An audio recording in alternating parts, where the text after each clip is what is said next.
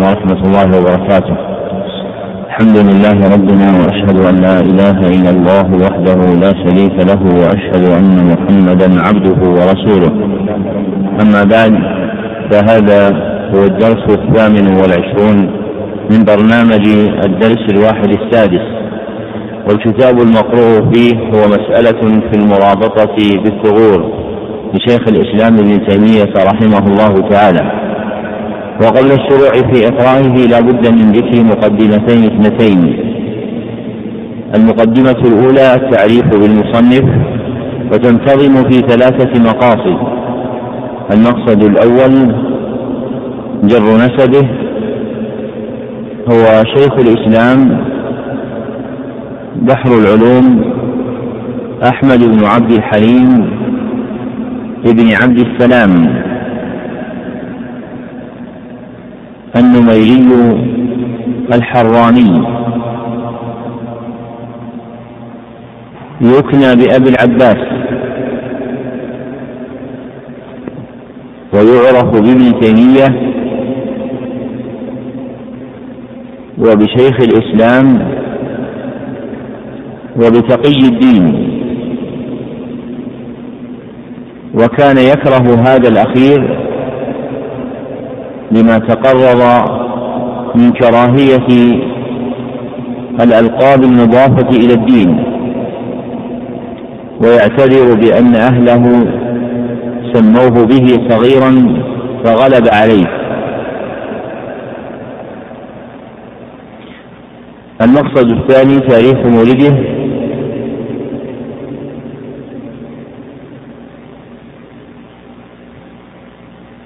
ولد في العاشر من ربيع الآخر من ربيع الأول. ولد في العاشر من ربيع الأول سنة إحدى وستين وستمائة. المقصد الثالث تاريخ وفاته. توفي رحمه الله في العشرين من ذي القعدة. سنة ثمان وعشرين وسبعمائة وله من العمر سبع وستون سنة رحمه الله رحمة واسعة. المقدمة الثانية التعريف بالمصنف وتنتظم في ثلاثة مقاصد أيضا. المقصد الأول تحقيق عنوانه أثبت على النسخة الخطية للكتاب.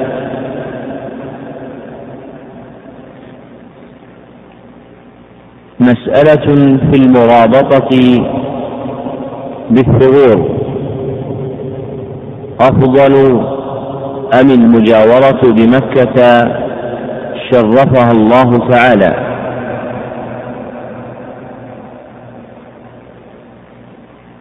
المقصد الثاني بيان موضوعه. موضوع هذا الكتاب هو بيان المفاضلة بين المرابطة بثغور الجهاد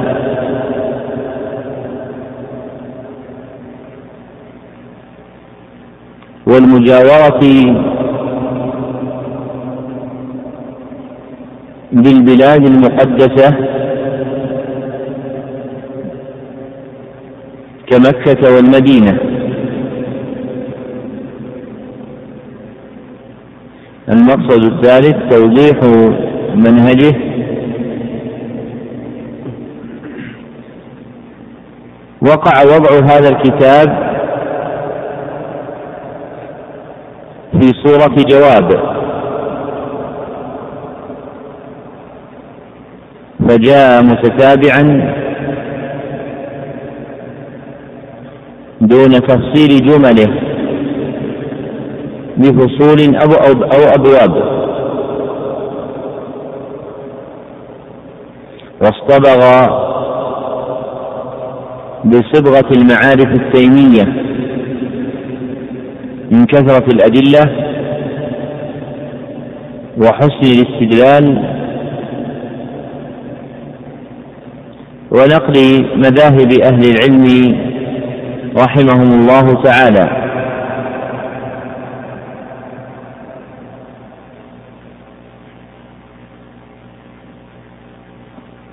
اجلس هناك عليكم السلام.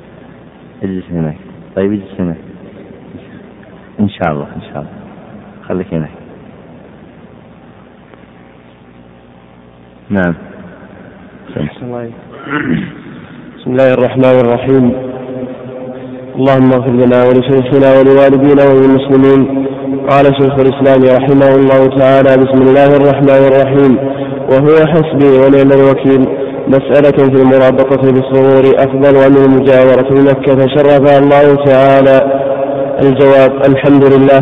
المرابطة في صور المسلمين وهي المقام بنية الجهاد أفضل من المجاورة في الحرمين باتفاق أئمة المسلمين أهل المذاهب الأربعة وغيرهم. وليست هذه المسألة من المشكلات عند من يعرف دين الإسلام ولكن لكثرة ظهور البدع في العبادات وفساد النيات في الأعمال الشرعيات صار يخفى مثل هذه المسألة على كثير من الناس حتى صاروا يعظمون الأماكن التي كان المسلمون يعظمونها. بكونها سرورا ظانين أن تعظيمها لأمور مبتدعات في دين الإسلام واستبدلوا بشريعة الإسلام بدعا ما أنزل الله بها من سلطان.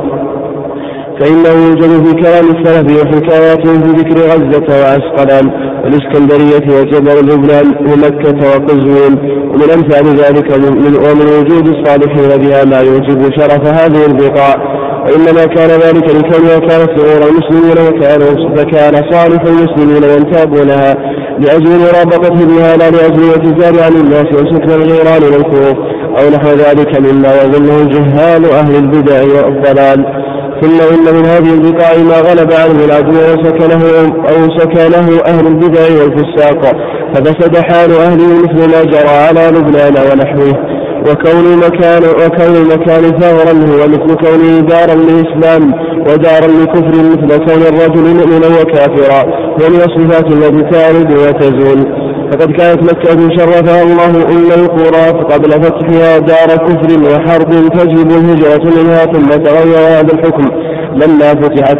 حتى قال صلى الله عليه وسلم لا هجرة بعد الفتح ولكن الجهاد وليه. وقد كان البيت المقدس بأيدي العدو تارة وبأيدي المسلمين تارة فالصغير هي البلاد المتأخرة للعدو والمشركين وأهل الكتاب التي يخيف العدو التي يخيف العدو أهلها ويخيف أهلها ويخيف أهلها العدو والمرابطة بها أفضل من المجاورة بالحرمين باتفاق المسلمين.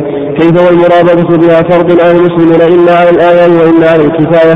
وقال المصنف رحمه الله تعالى في هذه الجملة معنى الثغور وأن الثغور الإسلامية هي بلاد الإسلام المتاخمة للعدو التي يخيف أهلها العدو ويخيف العدو ويخيف العدو أهلها.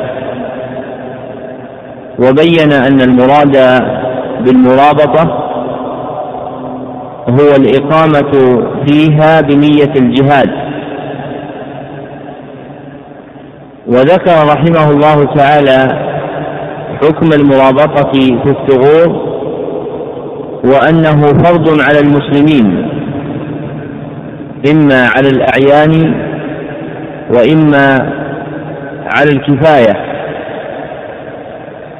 ثم بين رحمه الله تعالى أن كون المكان ثغرا هو من الأوصاف العارضة التي تثبت في زمن وتزول في آخر.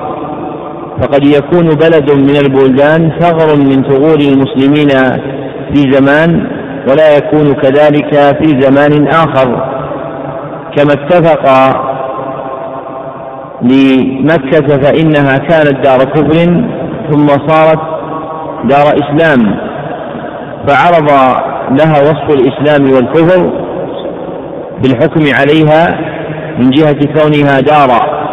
وكذلك يعرض حكم كون أرض من بلدان المسلمين ثغرا باعتبار ما يعرض لها من الأحوال. ونظير هذا ما يعرض لبيت المقدس منذ قرون متطاولة.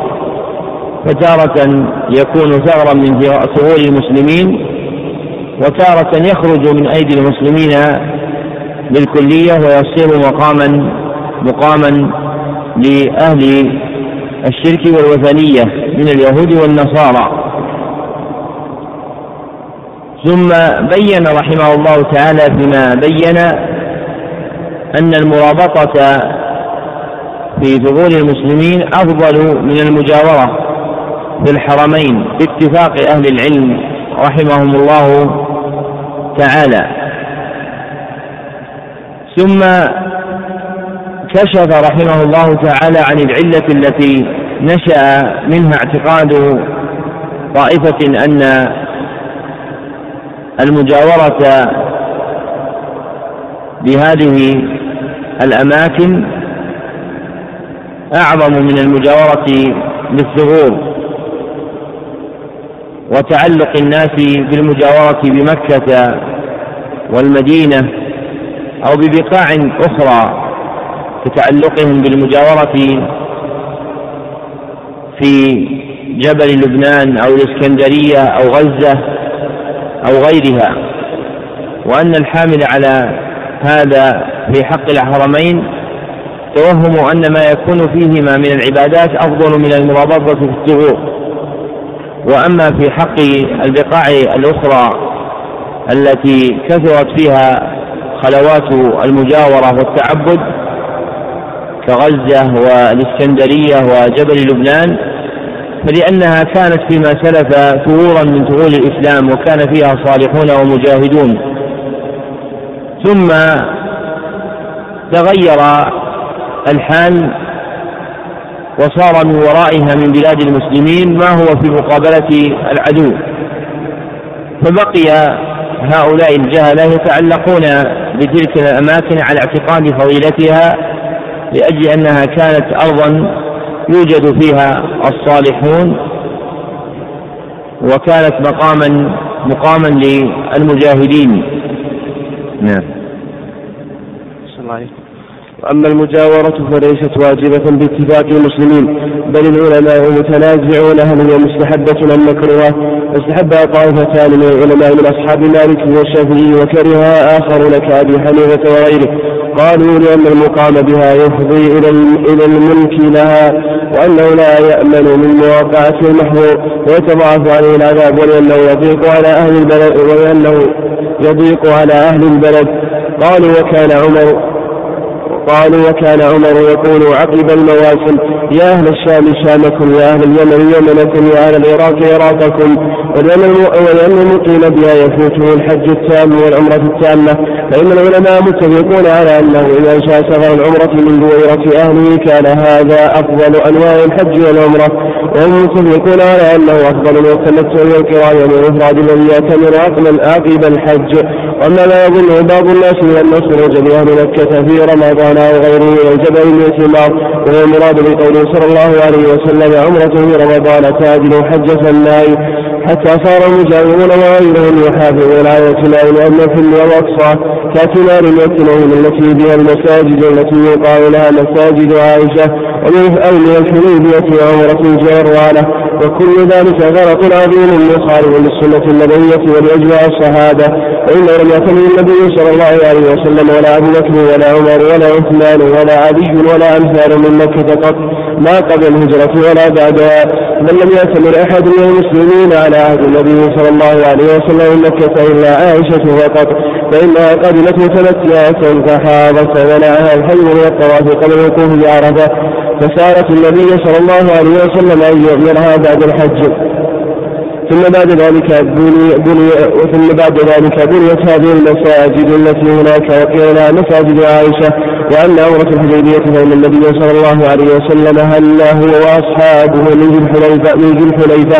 ثم حلوا بالحديبية لما صدوا المشركون عن البيت وكانت الحديبية حل فكانت الحديبية حلا لا ميقات إحرام وهذا متواتر يعلم عامة العلماء وخاصتهم. وفي ذلك أنزل الله تعالى وأتم الحج والعمرة الآيات باتفاق العلماء وأما عمرة الجيران فإن النبي صلى الله عليه وسلم لما قاتل لما قاتل لما قاتل هوازن بوادي حنين الذي قال الله فيها ويوم حنين إذا جبتكم كثرتكم فلم تغن عنكم شيئا وضاقت عليكم الأرض بما رحبت ثم وليتم مدبرين.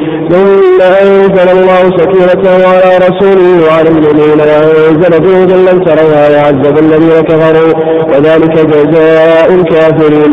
ثم يتوب الله من بعد ذلك على من يشاء والله غفور رحيم. وحاصر الطائفة ونصبت عليها بالجريق ولم يفتحها وقسم غنائم حنين حنين بجيرانه فلما قسمها دخل إلى مكة ثم خرج منها. لم يكن لمكة لم يكن لمكة فخرج منها إلى الحلم يعتمر كما يفعل كما يفعل ذلك من يفعله من أهل مكة. بل الصحابة رضي الله عنهم وأئمة التابعين لم يستحبوا لمن كان مكة ذلك. بل أن طوافه بالبيت أفضل من خروجه لأجل العمرة بل كرهوا له ذلك كما قد وصفنا هذه المسألة في غير هذا الموضوع والمقصود هنا أن من العلماء من كره المجاورة بمكة لما ذكرنا لما ذكر من الأسباب وغيرها. لكن الجمهور يستحبون في الجملة إذا وقعت عن وجه المشروع الخالي عن المفسدة بمكافئته ومصلحته والراجحة عليها. قال الإمام أحمد وقد سئل عن جوار مكة وقال وكيف لنا به؟ وقد قال النبي صلى الله عليه وسلم إنك لأحب البقاع إلى الله وإنك لأحب إلي وجابر رضي الله عنه زار مكة وابن عمر كان يقيم مكة وقال أيضا لا أسهل العبادة بمكة والنظر إلى بيت العبادة والنظر إلى بيت العبادة والنظر إلى البيت عبادة النظر وقال أيضا ما أشهر العبادة في مكة النظر إلى البيت عبادة واحتج هؤلاء بما رواه عبد الله بما رواه عبد الله بن عدي بن ابن حمراء الزهري أنه سمع النبي صلى الله عليه وسلم يقول وهو واقف بالحزورة. في سوق مكة والله إنك لخير أرض الله وأحب أرض الله إلى الله. ولولا أني أخرجت منك ما خرجت رواه الإمام أحمد وهذا له والنسائي وابن ماجه والترمذي وقال حديث حسن صحيح. ورواه أحمد من حديث أبي هريرة أيضا. وعن عباس رضي الله عنه قال قال رسول الله صلى الله عليه وسلم ما أطيبك من بلد وأحبك إلي ولولا أن قومي أخرجوني منك ما سكنت غيرك. رواه الترمذي وقال حديث حسن صحيح غريب. قالوا فإذا كانت أحب البلاد إلى الله ورسوله ولولا ما وجب علينا الهجرة وما كان يشكر إلا إياها علم أن المقام بها أفضل إذا لم يعارض ذلك مصلحة راجحة كما كان في حق النبي صلى الله عليه وسلم والمهاجرين. فإن مقامهم بمدينة كان أفضل من مقام مكة لأجل الهجرة والجهاد بل ذلك كان يجب عليهم وكان مقام بمكة حراما حتى بعد الفتح وإنما رخص وإنما رخص وإنما رخص للمهاجر أن يكون فيها ثلاثة كما في الصحيح عن الحلاء عن العلاء بن الحضرمي أن النبي صلى الله عليه وسلم أرخص للمهاجر أن يقيم مكة بعد قضاء نسكه ثلاثة وكان المهاجرون يكرهون أن يكونوا مقيمين بدار هاجروا منها وتركوها لكون ما جرى وتركوها لله حتى قال النبي صلى الله عليه وسلم من هذه المتفق عليه لما عاد سعد بن أبي وقاص وكان قد مرض مكة في حجة الوداع فقال يا رسول الله أخلف عن هجرتي. فقال لعلك أن تخلف حتى ينتفع بك أقوام ويضر بك آخرون. اللهم أنظر لأصحاب اللهم أنظر لأصحابي هجرتهم ولا تردهم على أعقابهم. لكن البائس سعد بن خولة يغفي له رسول الله صلى الله عليه وسلم أن مات بمكة. فلهذا لما مات عبد الله بن عمر بمكة أوصى أن لا يدفن في الحرم بل يخرج ويحل لأجل ذلك لكنه كان يوما شديد الحرب. لكنه كان يوما شديد الحرب فخالف وصيته وكان قد توفي عام عام قدم الحجاج فحاصر ابن الزبير وقتله لما كان من معذورين من الفتنة بينه وبين الملك بن مروان. ولم في المجاورة بها من تحصيل العبادات وتضعيفها ما لا يكون في بلد آخر. فإن الطواف بالبيت لا يمكن إلا أن يكتب من أفضل أن الصلاة لا تضاعف عن اتباع ولأن الصلاة بها تضاعف هي وغيرها من الأعمال. وقد قال الله تعالى وطهر بيتي للطائفين والقائمين والركع السجود وهي أنه ينزل على البيت في كل يوم مئة وعشرون رحمة. ستون للطائفين وأربعون للمصلين وعشرون للناظرين. ولهذا قال العلماء أن الصلاة في مكة أفضل من الصلاة في الثغر مع قول إن المرابطة في الثغر أفضل وتضاعف وتضاعف السيئات فيه وإذا كان المكان دواء الخير فيه أقوى ودواء الشر فيه أضعف كان المقام فيه أفضل مما ليس كذلك. ولا نزاع بين المسلمين في أنه يشرع قصدها يشرع قصدها لأجل العبادات المشروعة فيها وإن ذلك واجب أو مستحب. لأن النزاع مجاورة الفضلات فيه من تعارض بالمصلحة والمصلحة كما تقدم وحينئذ مكانا فمن كان مجاورته فيما يكثر حسناته ويقل سيئاته فمجاورته فيها أفضل من درجة لا يكون حاله فيه كذلك. فأفضل بهذه حق كل شخص حيث كان أبر وأتقى وإن وإن وإن أكرم الخلق عند الله أتقاهم ولهذا لما كتب أبو الدرداء إلى سلمان الفارسي رضي الله عنه وكان النبي صلى الله عليه وسلم قد آخى بينهما وكان أبو الدرداء بالشام وسلمان بن فكتب إلى أبو الدرداء أنهل إلى الأرض المقدسة وكتب كتب سلمان. إن الأرض لا تقدس أحدا. وإنما يقدس الرجل عمله الصالح. وإنما يقدس الرجل عمله الصالح. ومقصود بذلك أنه قد يكون بالأرض مهدولة ومقصود ذلك أنه يكون بالأرض المهدورة من يكون عمله صالحا. أو أصلح بما يحبه الله ورسوله. وهذا مما يبين أن جنس المرابطة أفضل من جنس المجاورة بالحرمين كما اتفق عليه الأئمة وإذا كانت نية العبد في هذا خالصة ونيته في هذا خالصة ولم يكن ثم عمل مفضل يفضل به احدهما فالمرابطه افضل فانها من جنس الجهاد وتلك من جنس الحج وجنس الجهاد افضل من جنس الحج. ولهذا قال أبو هريرة رضي الله عنه لأن أرابط ليلة في سبيل الله أحب إلي من من أن أقوم ليلة القدر عند الحجر الأسود. وفي لفظ رواه سعيد بن منصور بن منصور في سننه عن عطاء الخرساني عن أبي هريرة رضي الله عنه قال رباط يوم في سبيل الله أحب إلي من أن أقوم ليلة القدر في أحد المسجدين مسجد الحرام ومسجد رسول الله صلى الله عليه وسلم. ومن رابط أربعين يوما في سبيل الله وقد استكمل الرباط وقد قال الله تعالى أجعلتم سقاية الحاج وإمارة المسجد الحرام كمن آمن بالله واليوم الآخر وجاهد في سبيل الله لا يستوون عند الله والله لا يهدي القوم الظالمين الذين آمنوا وهاجروا وجاهدوا في سبيل الله بأموالهم وأنفسهم أعظم درجة عند الله وأولئك هم الفائزون. يبشرهم ربهم برحمة منه ورضوان وجنات لهم فيها نعيم مقيم.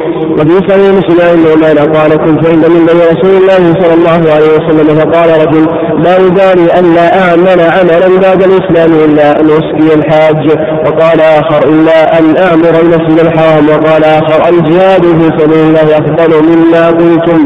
وزجرهم عمر بن الخطاب. وقال فوصفكم إن من رسول الله صلى الله عليه وسلم وهو يوم الجمعة ولكن إذا صليت الجمعة دخلت فاستفتيته بما اختلفتم به أنزل الله تعالى جعلتم سقاية الحاج وإمارة المسجد الحرام كمن آمن بالله واليوم الآخر وجاهد في سبيل الله. الآية وعن عثمان بن عفان رضي الله عنه قال سمعت رسول الله صلى الله عليه وسلم يقول رباط يوم في سبيل الله خير من ألف يوم فيما سواه.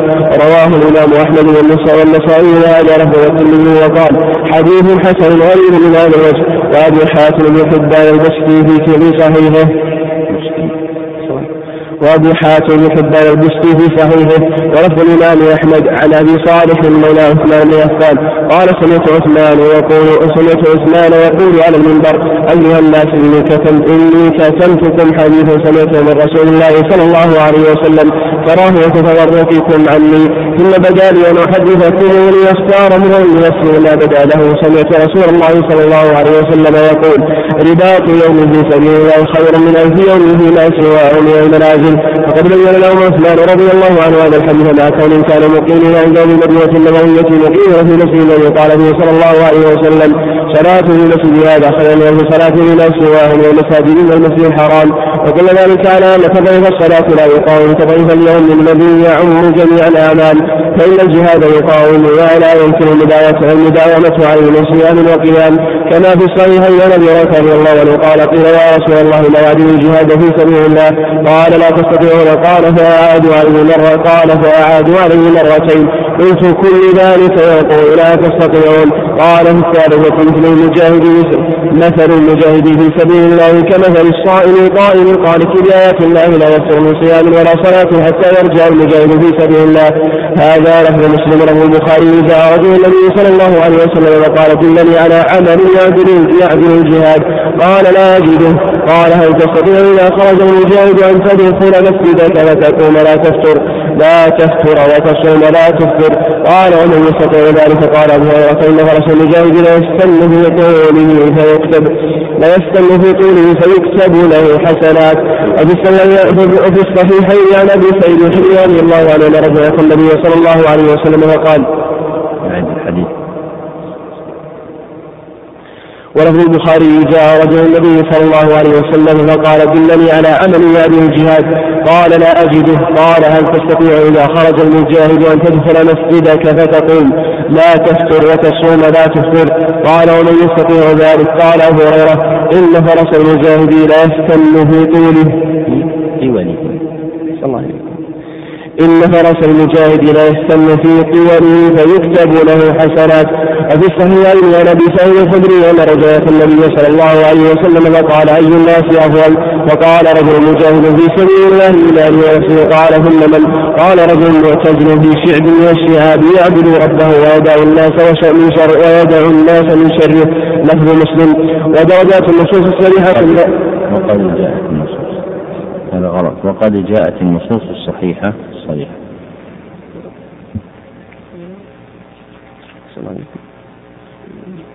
وقد جاءت النصوص الصريحة وقد جاءت النصوص الصريحة وقد جاءت النصوص الصحيحة الصريحة من الجهاد عن الحج كما في الصحيحين عن أبي هريرة رضي الله عنه قال سئل رسول الله صلى الله عليه وسلم اي الاعمال افضل؟ قال ايمان بالله ورسوله قيل ثم ماذا؟ قال الجهاد في سبيل الله قيل ثم ماذا؟ قال حج مبرور وفي الصحيحين أيضا عن أبي ذر رضي الله عنه قال قلت يا رسول الله اي الاعمال افضل؟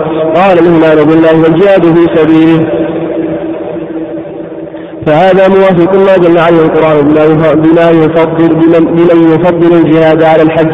وقد روي غزوة التي كان فيها أفضل من سبعين حجة. وهذا لا يناقض ما في الصحيحين عن ابن مسعود رضي الله عنه. قال سألت رسول الله صلى الله عليه وسلم أي عمل أفضل؟ قال الصلاة وقتها قال. ثم أن يطاع له بالرياء ثم قلت ثم أي العمل أفضل قال الجهاد في سبيل الله. حدثني به رسول الله صلى الله عليه وسلم واستجبته لزادني فإن هذا الحديث أيضا يدل على فضل الجهاد عن الحج وغيره. وأن بين المصنف رحمه الله تعالى حكم المرابطة في الثغور وأنها فرض على المسلمين إما على الأعيان وإما على الكفاية. شرع يبين حكم المجاورة بمكة المكرمة. فذكر أن أهل العلم متفقون على أن المجاورة فيها ليست بواجبة ولكنهم اختلفوا هل هي مستحبة أم مكروهة على قولين اثنين. وقد ذكر شيخ الإسلام رحمه الله تعالى الأدلة التي احتجت بها كل طائفة فالذين كرهوا المجاورة بمكة والإقامة بها لغير أهلها لهم أدلة ذكر شيخ الإسلام رحمه الله تعالى طرفا منها والذين قالوا إن المجاورة بمكة مستحبة لما فيها من فضيلة العمل بأدلة كثيرة ذكر شيخ الإسلام ابن تيمية رحمه الله تعالى طرفا منها. وأصح القولين والله أعلم أن المجاورة بمكة مستحبة. لقوة الأدلة التي أخذ بها القائلون بهذا وهم الجمهور. أما ما تعلل بها, بها الكارهون فإنها أدلة لا تقابل بمثل هذه الأدلة الصحيحة. ثم ذكر رحمه الله تعالى قاعدة نافعة في أن الإقامة ببلد من البلدان بمكة أو بغيرها ينظر فيها إلى المصلحة الراجحة في حق العبد. فإذا كان وجوده في بلد أنفع له وللناس من وجوده ببلد آخر فإن ذلك البلد يكون أفضل في حقه. ولو كان البلد الآخر هو مكة المكرمة.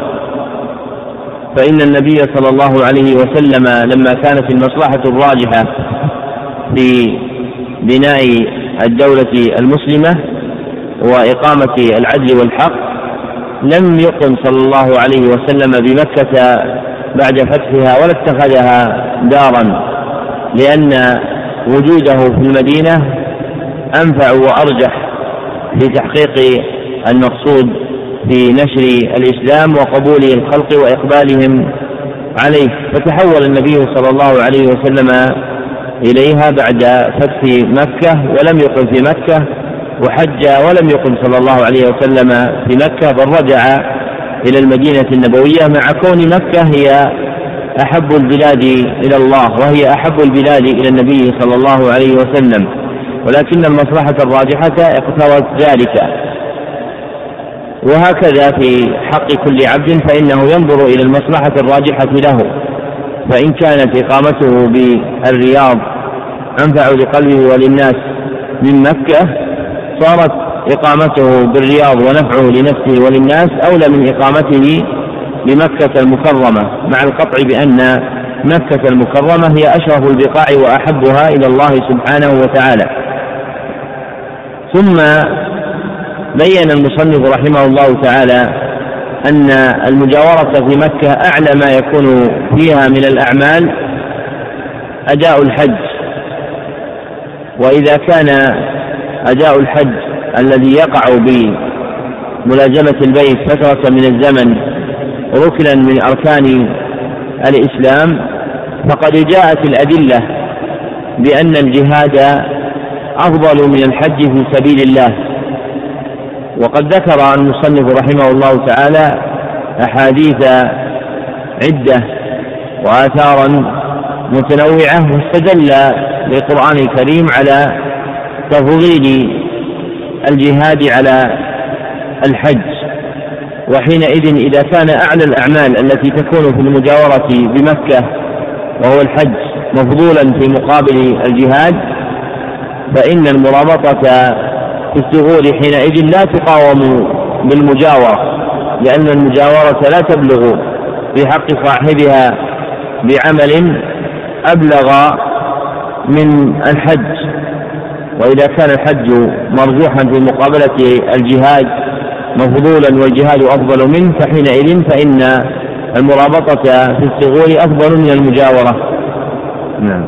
صلى الله عليه وأما الصلاة فإنها قد تدخل في مسمى الإيمان كما في قوله تعالى وما كان الله ليضيع إيمانكم قال البراء بن عازب رضي الله عنه وغيره صلاتكم إلى بيت المقدس. إذ هي بمنزلة الشهادتين في أنها لا تسقط بحال ولا ينوب فيها أحد عن أحد ويدخل بها في الإيمان فقد جاءت النصوص بإطلاق الكفر على تاركها ثم في مسلم عن جابر رضي الله عنه قال قال رسول الله صلى الله عليه وسلم ليس بين العبد وبين الكفر والشرك إلا ترك الصلاة. وفي السنن عن إبراهيم بن الحصيب رضي الله عنه قال قال رسول الله صلى الله عليه وسلم العهد الذي بيننا وبينهم الصلاة من تركها فقد كفر. رواه الإمام أحمد بن ماجه والترمذي والنسائي وقال حديث حسن صحيح غريب. عن الترمذي عن ابن شقيق رضي الله عنه قال كان أصحاب محمد لا يعدون شيئا من أعمال تركه كفر إلا الصلاة. وفي البخاري أن عمر بن الخطاب رضي الله عنه لما طول وغني عليه قيل قيل الصلاة فقال نعم ولا حظ في الإسلام ومن ترك الصلاة أطلق الكفر على جاحد الصلاة وعن غير واحد من الصحابة والتابعين وعن غير واحد من الصحابة والتابعين أنهم ذكروا أن من أن من ترك الصلاة فقد كفر. فهذه الخاصية التي للصلاة تقتضي أن تدخل في قوله تعالى في قوله صلى الله عليه وسلم إيمان بالله وجهاد في سبيله ثم حج مبرور. وكذلك بر الوالدين قد قرن حقهما بحق الله من قوله تعالى أن اشكر لي ولوالديك في قوله وقضى ربك ألا تعبدوا إلا إياه وبالوالدين إحسانا. وكما في الصحيحين الحديث الحديث كفر بالله تبرؤ من نسب وإن جط ومن ادعى لغير أبيه فقد كفر ولا ترغبوا عن آبائكم فإنه كفر بكم أن ترغبوا عن آبائكم وإن كان كذلك فيمكن أن يقال هذا دخل دخل في مسمى الإيمان أيضا. له أو يقال بر الوالدين إنما يجب على من له والدان فذكرهما في حديث ابن مسعود لأن ابن مسعود كان له والية وكان ذلك حكم من حال فكان ذلك فكان ذلك حكم حكم من حاله كحال من حاله كحاله. أما وأما حيث لم يذكرهما فذكر ما يعم العلماء فيدخل فيه من ليس له أبوان في الجهاد إذا صار فرض عين كان أو كذا مطلقا كان كان أوكد بمطلق بر الوالدين فيجاهد في هذه الحال بدون إذنهما وإن كان عليه أن يقوم ما يجب عليه بر المتعين المتعين عليه وإن كان لا يجري إذا لم يتعين عليه إلا وإن كان لا يجاهد إلا إذا وكان وإن كان لا يجاهد إذا لم يتعين عليه إلا بإذنهما وأما الصلاة فإذا تعارت هي والجهاد المتعين فإنه يفعل كلاهما بحسب الإمكان. كما في حالة الخوف الخبيث والخوف الشديد قال الله تعالى حافظوا على الصلوات والصلاة الوسطى وقوموا لله قانتين فإن خفتم فرجالا أو ركبانا. قال تعالى فليس عليكم جناح أن تقصروا من الصلاة إن أن يفتنكم الذين كفروا. إلى قوله. وإذا كنت فيهم فأقمت لهم الصلاة فلتقم طائفة منهم معك وليأخذوا أسلحتهم. فإذا سجدوا فليكونوا من ورائكم ولتأت طائفة أخرى لم يصلوا فليصلوا معك وليأخذوا حذرهم وأسلحتهم. ود الذين كفروا لو تغفلون عن أسلحتكم وأمتعتكم فيميلون عليكم ليلة واحدة. ولا جناح عليكم إن كان بكم أذى من مطر أو كنتم مرضى أن تضعوا أسلحتكم وخذوا حذركم إن الله أعد للكافرين عذابا مهينا. فإذا قضيتم الصلاة فاذكروا الله قياما وقعودا وعلى جنوبكم. فإذا اطمأننتم فأقيموا الصلاة إن الصلاة كانت على المؤمنين كتابا موقوتا. وقد أمر الله بذنوبين الواجبين الصلاة والجهاد لكن لو خفف الصلاة بالخوف من صلاة الأمر بإسقاط أمور تجري في الأمر وإباحة أفعال لا تفعل في الأمر وصلاة الخوف قد استمرت بها السنن عن النبي صلى الله عليه وسلم وذكرها الأئمة كلهم وقد صح عن النبي صلى الله عليه وسلم أنه صلى على وجوه متعددة وأما حال المسافة فللفقهاء ثلاثة أقوال. أحدها قول الجمهور أنهم يصلون بحسب حالهم مع المقابلة وهذا مذهب الشافعي وغيره وهذا مذهب الشافعي وغيره وظاهر مذهب أحمد. والثاني أنه يؤخر الصلاة وهو قول أبي حنيفة والثالث أنهم يخيرون بين الأمرين واحد رواية عن أحمد. وقوله تعالى حافظوا على الصلوات والصلاة الوسطى وقوموا لله قانتين فإن خفتم رجالا أو ركبانا مع ما كتبت الصحيحين عن رسول الصحيح عن رسول الله صلى الله عليه وسلم أنه قال عام الخندق شغلونا عن الصلاة الوسطى صلاة العصر حتى غربت الشمس. منع الله بيوتهم وقبورهم نارا. قد احتج به وبغيره على أن تأخير الصلاة لحال خوف منسوخ بهذه الآية. وأجاب ذلك أن احتج أن احتج به من جوز الأمرين من قوله صلى الله عليه وسلم بهذه المتفق عليه عن ابن عمر أنه قال لا يصلين أحد العصر إلا في بني قريظة. وصلى قوم بالطريق وقالوا لم يرد منا كثير الصلاة. وأخر قوم الصلاة حتى حتى وصلوا إلى بني قريظة. وقد فاتهم الصلاة فلم يعنف النبي صلى الله عليه وسلم واحدة من الطائفتين فهذا الحديث حجة لجواز الأمر لكن قال أولئك أنه منسوخ بالآية. فقد تبين أن الصلاة لما كانت أوكد من الجهاد فإنه عند مزاحمة الجهاد لا أخف. فإنه عند مزاحمة الجهاد لا أخفت حتى لا يفوت حتى لا يفوت حتى لا يفوت حتى لا يفوت مصلحة الجهاد. وهذا أيضا كالحج وإن كان دون الصلاة باتفاق المسلمين. فإذا فإذا تضيق وقته وازدحم هو هو والمقصود مثل أن يكون ليلة النحر وهي ليلة عرفة. ذلك إلى عرفة فإن صلى صلاة فإن صلى صلاة فإن, فإن صلى صلاة مستقل فاته الوقوف وإن سار إلى الكعرة فقد وقع الفجر فاتت الصلاة فقال ثلاثة أقوال قيل تقديم الوقوف لأنها في الحج ضررا عظيما وقيل بل تقدم الصلاة لأنها أوكد وقيل بل يأتي بنا جميعا ويصلي بحسب إمكان صلاة لا تفوت الوقوف وهذا أبو الأقوال وقول طائفة من أصحاب أحمد والشافعي وغيرهما. والعلماء متفقون على أن الخائف المقلد يصلي صلاة خائف فأما الطالب فتنازعوا فيه وفي أن أحمد روايتان إحداهما أنه يصلي أيضا صلاة الخوف. كما جاء في الحديث الذي رواه أهل السنن كأبي داود عن عبد الله بن أنس قال بعثني رسول الله صلى الله عليه وسلم إلى خالد بن سفيان الهذلي وكان نحو عورنة وعرفات فقال فاستقتل قال فرأيته حضرت صلاة العصر فقلت إني أخاف أن يكون بيني وبينهما ان أؤخر الصلاة ما ان اؤخر ما إن أؤخر الصلاة. فانطلقت أمشي وأنا أصلي اومئ بما نحوه. فلما دنوت منه قال لي من أنت؟ فقلت رجل من العرب بلغني أنك تجمعها لهذا الرجل. فجئتك بذاك قال اني إني لفي ذاك. فمشيت فمشيت معه ساعة حتى إذا امكانني علوت بسيري حتى برد. ومن قال هذا القول رأى أن مصلحة الجهاد مأمور بها أيضا فلا يمكن تفويت احداه فلا يمكن تفويت إحداهما. وإن لم يكن من تفويت الجهاد في هذا الوقت مسألة مبالغة كما انه ليس في تأخير الصلاة مسألة ظاهرة ولو كان تكفير الصلاة مقدما على الجهاد لكان أنه يترك الجهاد إذا علم أنه لا بد فيه من تحقيق الصلاة. ولما ثبت السنة المتواترة والمتواترة أن الجهاد يفضل مع العلم. فإن الجهاد يفضل مع العلم لأنه يقصر فيه الصلاة بقصر العمل الذي هو قصر العدد فإن قصر العدد سنة سنة السفر وأما قصر العمل فسنة الخوف. ولهذا إذا اجتمع الأمران شرع القصر المطلق كما في قوله وإذا ضربتم به في الأرض فليس عليكم جناح أن تقصروا من الصلاة وخفتم أن يفتنكم الذين كفروا. ولا ولا ظاهرها فإن القصر المطلق المتضمن لقصر العدد وقصر العمل إنما يكون مع الأمرين. وقد بينت السنة أن مجرد الخوف يفيد قصر العمل ومجرد السفر ومجرد السفر يفيد قصر العدد. فهذا كله مما يبين ان الصلاه وان كانت افضل الاعمال فانها اذا اجتمعت مع الجهاد يترك واحد منهما بل يصلي بحسب الإمكان مع تحصيل مصلحة الجهاد بحسب الإمكان. وقد قال الله تعالى يا أيها الذين آمنوا إذا لقيتم إذا لقيتم فئة فاثبتوا واذكروا الله كثيرا لعلكم تفلحون. فأمر بالصلاة والذكر معا وكانت السنة على عهد رسول الله صلى الله عليه وسلم وخلفائه وأصحابه وخلفاء بني أمية وكثير من خلفاء بني العباس.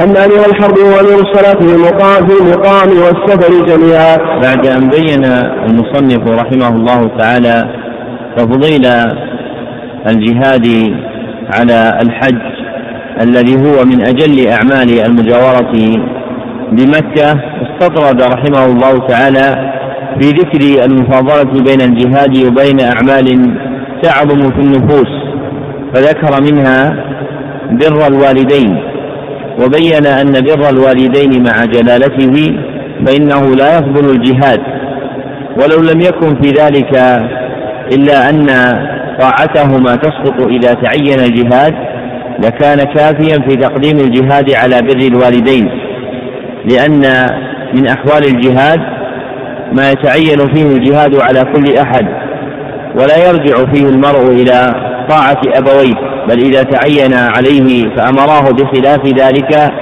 لم يطعهما. وجاهد. مما يدل على أن الجهاد أعظم منزلة وأرفع رتبة من طاعة الوالدين وبرهما. ثم ذكر رحمه الله تعالى بعد بر الوالدين الصلاة وهي أيضا من أعظم أعمال المجاورة التي تكون بمكة. لما تقرر في الشرع من توعيف الصلاة بمكة أضعافا كثيرة. فبين رحمه الله تعالى الأدلة الدالة على أن الجهاد يفضل الصلاة لأن مصلحة الجهاد لما كانت لا تقام إلا لتخفيف الصلاة دخل التخفيف عليها. ولو كانت الصلاة مقدمة عليه في الفضل لأمر بتحقيق الصلاة فيها على الوجه الذي تؤدى عليه. ومع ذلك جعلت الصلاة في الجهاد على أحوال معروفة عند الفقهاء كصلاة الخوف مثلا. بل دخل التخفيف فيها إلى حال الإماء بها كما جاء في حديث في قصة خالد الهذلي في طلبه كما جاء في قصة طلب خالد الهذلي التي رواها أبو داود وإسنادها حسن. وفيها أن الصحابي رضي الله عنه لما خشي أن يفوته هذا الرجل وكان يمشي وحده فالظفر به متحقق صلى الصلاة وهو يومئ إيماء وهو في طريقه إليه حتى لحقه وأدركه وهو على انفراده فقتله. وهذا يدل على تقديم الجهاد أيضا على الصلاة. فصار كلام شيخ الإسلام الذي تقدم فيه الإشارة إلى تقديم الجهاد على أعمال عظيمة في خاصة الإنسان كالصلاة وبر الوالدين وأعمال عظيمة في حق المسلمين جميعا إذا اجتمعوا عليها وهي وهو الحج. نعم. الله عليكم. وما ذكرناه يبين بعض حكمة كون النبي صلى الله عليه وسلم والمهاجرين كان مقام بالمدينة أفضل على أحد قوله العلماء فإنهم كانوا بها مهاجرين مجاهدين مرابطين بخلاف مكة وهذا حيث كان الإنسان كذلك كان أفضل من المقام بالحرمين حتى إن مالك رضي الله عنه مع فرط تعظيمه مع فرض تعظيم المدينة وتفضيل وتفضيله لها على مكة وكراهية الانتقال منها. لما سئل عن بدار عمن بدار وهو مقيم بالمدينة يأتي الثغور كالإسكندرية وغيره. أجاب أن عليه أن يأتي الثغور لأن مرادة بالثغور أفضل المقام من مقامه بالمدينة. وما زال خيار المسلمين من الصحابة والتابعين وتابعين من بعدهم من الأمراء والمشايخ. يتناوبون الثغور لأجل الرباط وكان هذا على عهد أبي بكر وعثمان أكثر حتى كان عبد الله بن. حتى كان عبد الله بن وغيره مرابطين وكان عمر من يسأله عن وكان عمر من يسأله عن أفضل الأعمال إنما يدل على الرباط والجهاد كما سأله عن ذلك من سأله كالحارث بن هشام وعكيمة بن أبي جهل وصفوان بن أمية وسهيل بن عمرو وأمثالهم ثم كان بعد هؤلاء إلى خلافة إلى خلافة بني أمية وبني عباس. ولهذا يذكر من فضائلهم وأخبارهم في الرباط أمور كثيرة وكانوا على طريقتين إحداهما يرابط كل قوم بأقرب الصغور إليهم وقاتل ومن يليهم كقوله يا أيها الذين آمنوا قاتلوا الذين يلونكم من الكفار. وهذا اختيار أكثر العلماء كالإمام أحمد وغيره ولهذا كان أصحاب مالك كابن قاسم ونحوه يرابطوا يرابط بالصغور المصرية. والطريقة الثانية يجوزون الرباط يجوزون الرباط بثغور الشام يجوزون الرباط بثغور الشام ونحوها بما فيه قتال النصارى. فكان عبد الله بن مبارك يقدم يقدم من خراسان فيرابط بثغور الشام وكذلك إبراهيم بن أدهم ونحوهما كما كان يرابط بها ومشايخ الشام كالأوزاعي. كما كان يرابط بها ومشايخ الشام كالأوزاعي وحذيفة المرغشي. ويوسف بن أسباط وأبي إسحاق الجزائري ومخلد بن ومخلد بن الحسين وأمثالهم.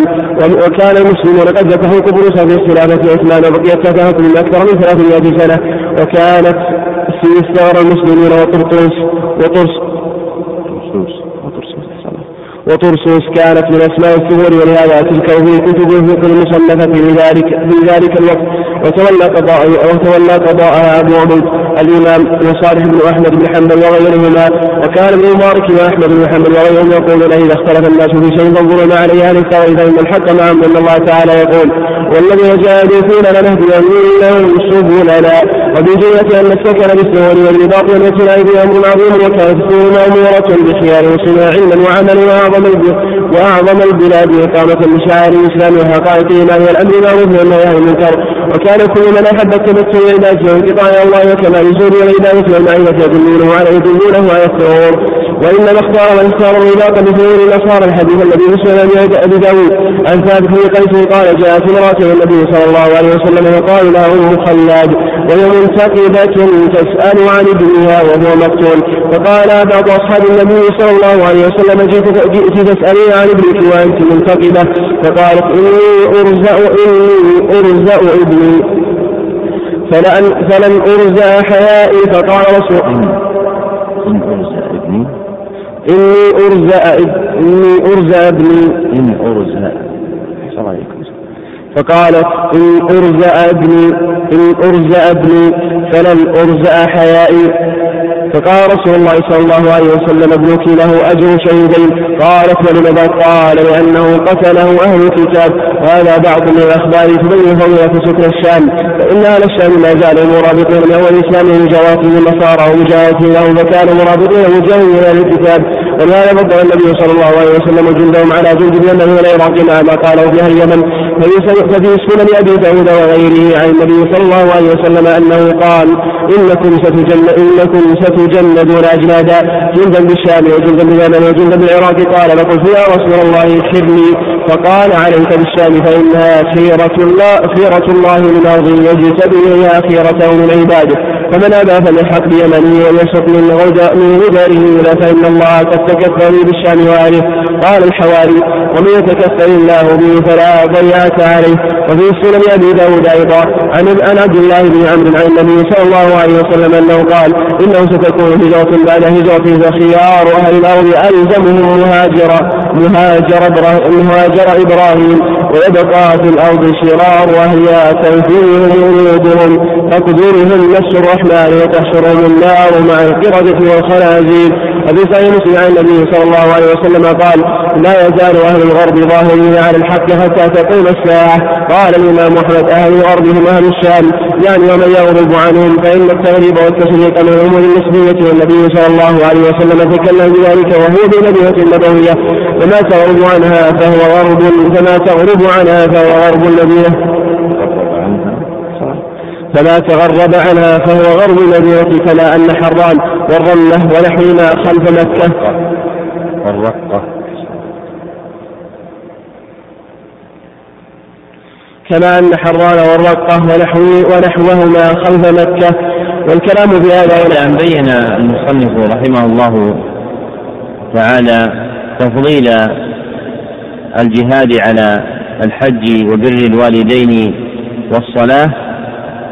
ذكر أن هذا يبين فضيلته على الأعمال كلها وأن هذا من حكم إقامته صلى الله عليه وسلم والمهاجرين بالمدينة بعد مكة لأنهم كانوا فيها مجاهدين مرابطين لا زالوا قائمين بأمر بث الإسلام فاختاروا دار المرابطة على غيرها.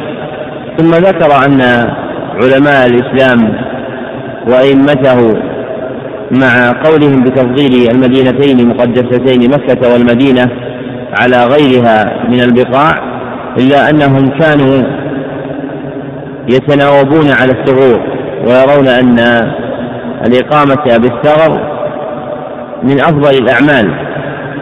وكان لهم طريقتان اثنتان في ذلك. فمنهم من يرابط في الثغور القريبة من بلده ويختارها ومنهم من يختار الرباط في الشام. وإنما اختار من اختار الرباط في الشام لأجل الأحاديث الكثار عن النبي صلى الله عليه وسلم في فضيلة الشام. والصحيح أن فضيلة المرابطة بحسب الحاجة فإذا كان ثغر من الثغور أحوج إليه فإن مرابطته في ذلك الثغر أفضل من مرابطته في ثغر آخر. ومن قواعد تفضيل الأعمال أنه ينظر إلى العارض الذي يقوم بالعمل مما هو خارج عنه. فإن المرابطة في هذا الثغر والمرابطة في هذا الثغر مشتركات مشتركتان في أصل العمل. لكن تفضيل إحدى الرباطين أحد الرباطين على الآخر ينظر فيه إلى عارض خارج كالنفع والانتفاع. فإذا وجد فإن تكون المرابطة في هذا أفضل من حقه في هذا. وقد ذكر رحمه الله تعالى فيما ذكر من تفضيل المرابطة في الثغور ومدحها قول ابن المبارك وأحمد بن حنبل وغيرهما أنهم كانوا يقولون إذا اختلف الناس في شيء فانظروا ما عليه أهل الثغر فإن الحق معهم. وهذه الكلمة ليس معناها كما يتوهمه بعض الناس من أنه إذا وقع الخلاف بين الناس فإنه يرجع إلى ما يتقلده أهل الثغر ويقولون به لأن محل هذا إذا كان أهل الثغر بمنزلة ما كان عليه المسلمون الأول من ترتيب المرابطين وكان خلفاء الإسلام قد درجوا على ترتيب المرابطة ببعث البعوث مع إرسال مؤذن وإمام وقاض ومفت وأمير. فلا تخلو ثغور الإسلام من وجود هؤلاء لأنه لا يقوم الدين إلا بوجودهم. فكان أمير الجيش يصطحب معه قاض يقضي بين المجاهدين ومفت يفتيهم وإماما يصلي بهم ومؤذنا ينادي بالصلاة بينهم. وقد يزيد هؤلاء باعتبار من يخرج في الجيش من العلماء والصالحين لكن المجزوم به أنهم لا يكونون خليين من أهل العلم المشهود لهم بالرسوخ فيه بخلاف ما آل عليه الأمر في الأزمنة الأخيرة فإنه لا يوجد مثل هذا الترتيب الذي كان يدرج عليه خلفاء الإسلام بل قد يوجد الثغر وفيه عدد كبير ليس فيهم عالم ولا طالب علم فعند ذلك لا يقول عاقل إن هؤلاء يرجع إليهم إذا اختلف الناس ويذكر كلام ابن المبارك كلام ابن المبارك وأحمد لأنه يكون قد نزله في غير المنزل الذي وضع فيه لما تكلم به المتكلمون.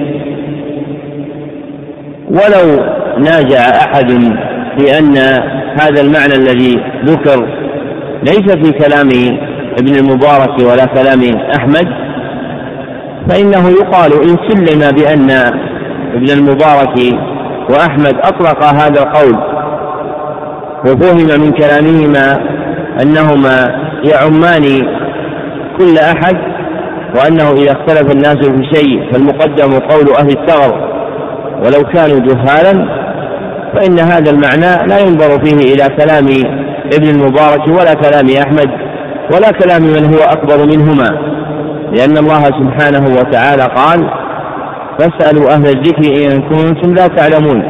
ولم يقل سبحانه وتعالى فاسألوا أهل الثغور إن كنتم لا تعلمون. فعلم أنه من المحال مع إحسان الظن بعلم هؤلاء الفضلاء كابن المبارك وأحمد أن يكونوا أطلقوا هذا وأرادوا أن يباشر بالسؤال كل مرابط في الجهاد. وإنما أطلقوا هذا مع رعاية الحال التي كان عليها أهل الإسلام حينئذ من وجود العلماء والقضاة والمفتين بين أظهر المجاهدين. فحينئذ يكون الحق معهم بما يغلب من قوة التسديد لأن الجهاد يثمر الصواب والوصول إلى الحق والسداد في حق صاحبه كما قال الله عز وجل والذين جاهدوا فينا لنهدينهم سبلنا.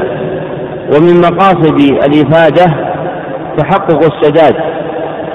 فإن المرء لا يراد في فتواه من جهة كونه واسع العلم فقط بل ينظر أيضا إلى مقارنة السداد له. كما قيل لأحمد بن حنبل لما حضرته الوفاة إلى من توصي بنا فقال إلى عبد الوهاب الأنماطي فقال بعض أصحابه إن غيره أعلم منه فقال إنه رجل مسدد يوشك أن يسأل فيجيب فيسدد فالمقصود هو مقارنة السداد والصواب والتوفيق إليه وهذا يوجد مع الأعمال الصالحة بخلاف ما لم يكن المعلم والمفتي على تلك الحال فكلما ازداد المرء عبادة كلما ازداد سدادا ومن أسباب السداد الجهاد كما ذكر الله عز وجل في الآية الماضية. وهذا هو الذي أوجب قول من قال من أهل العلم إذا اختلف الناس في شيء فانظروا ما عليه أهل الثغور.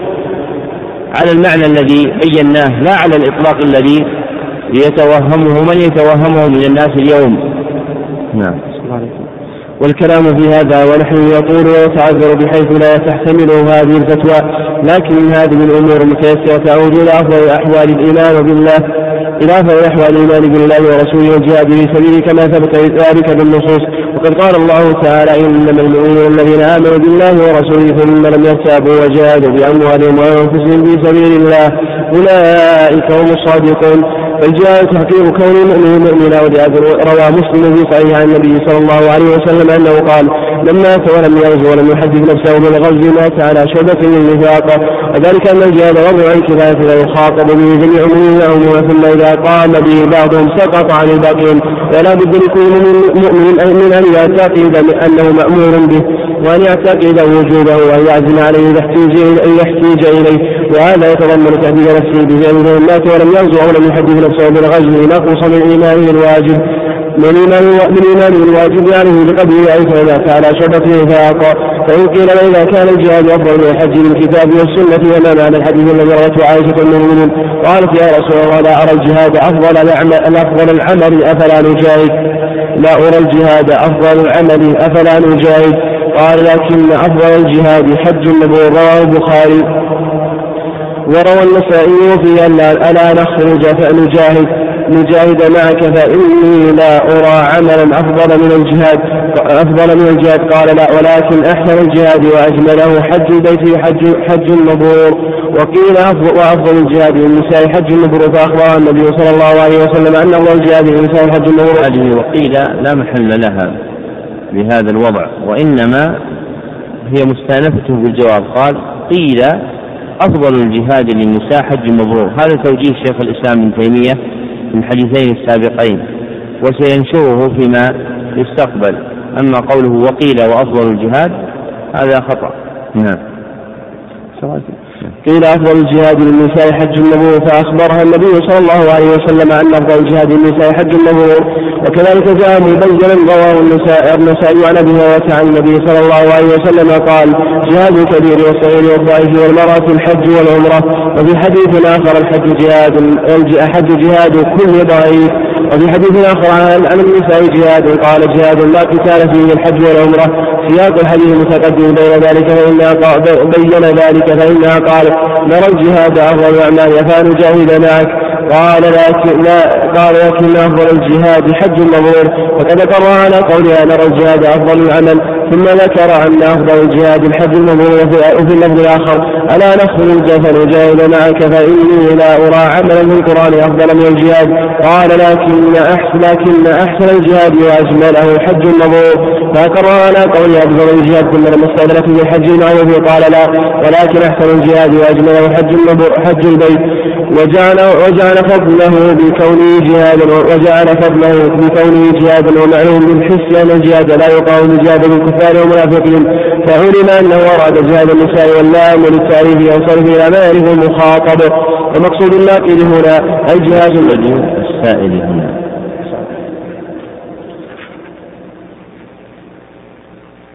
ومقصود السائل هنا ومقصود السائل هنا الجهاد الذي هو أفضل العمل له عند الله. وبين النبي صلى الله عليه وسلم أن الجهاد الذي هو مقصوده ومطلوبه هو الحج. فإن السائل ضعيف والحج جهاد كل ضعيف. وفي صحيح مسلم عن أبي هريرة رضي الله عن النبي صلى الله عليه وسلم قال المؤمن القوي خير وأحب إلى الله من المؤمن الضعيف.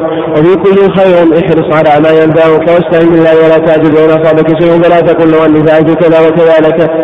فلا تقل لو اني فعلت كذا لكان كذا ولكن قل قدر الله وما شاء فعل فإن لو تفتحوا عمل الشيطان وقد جاء في بعض الرباط احاديث في الصحيح بعد ان بين المصنف رحمه الله تعالى فضل الجهاد وأنه مقدم على أعمال منها الحج أورد اعتراضا على ما تقدم بهذا الحديث الثابت عنه صلى الله عليه وسلم في الصحيح وفيه أنه قال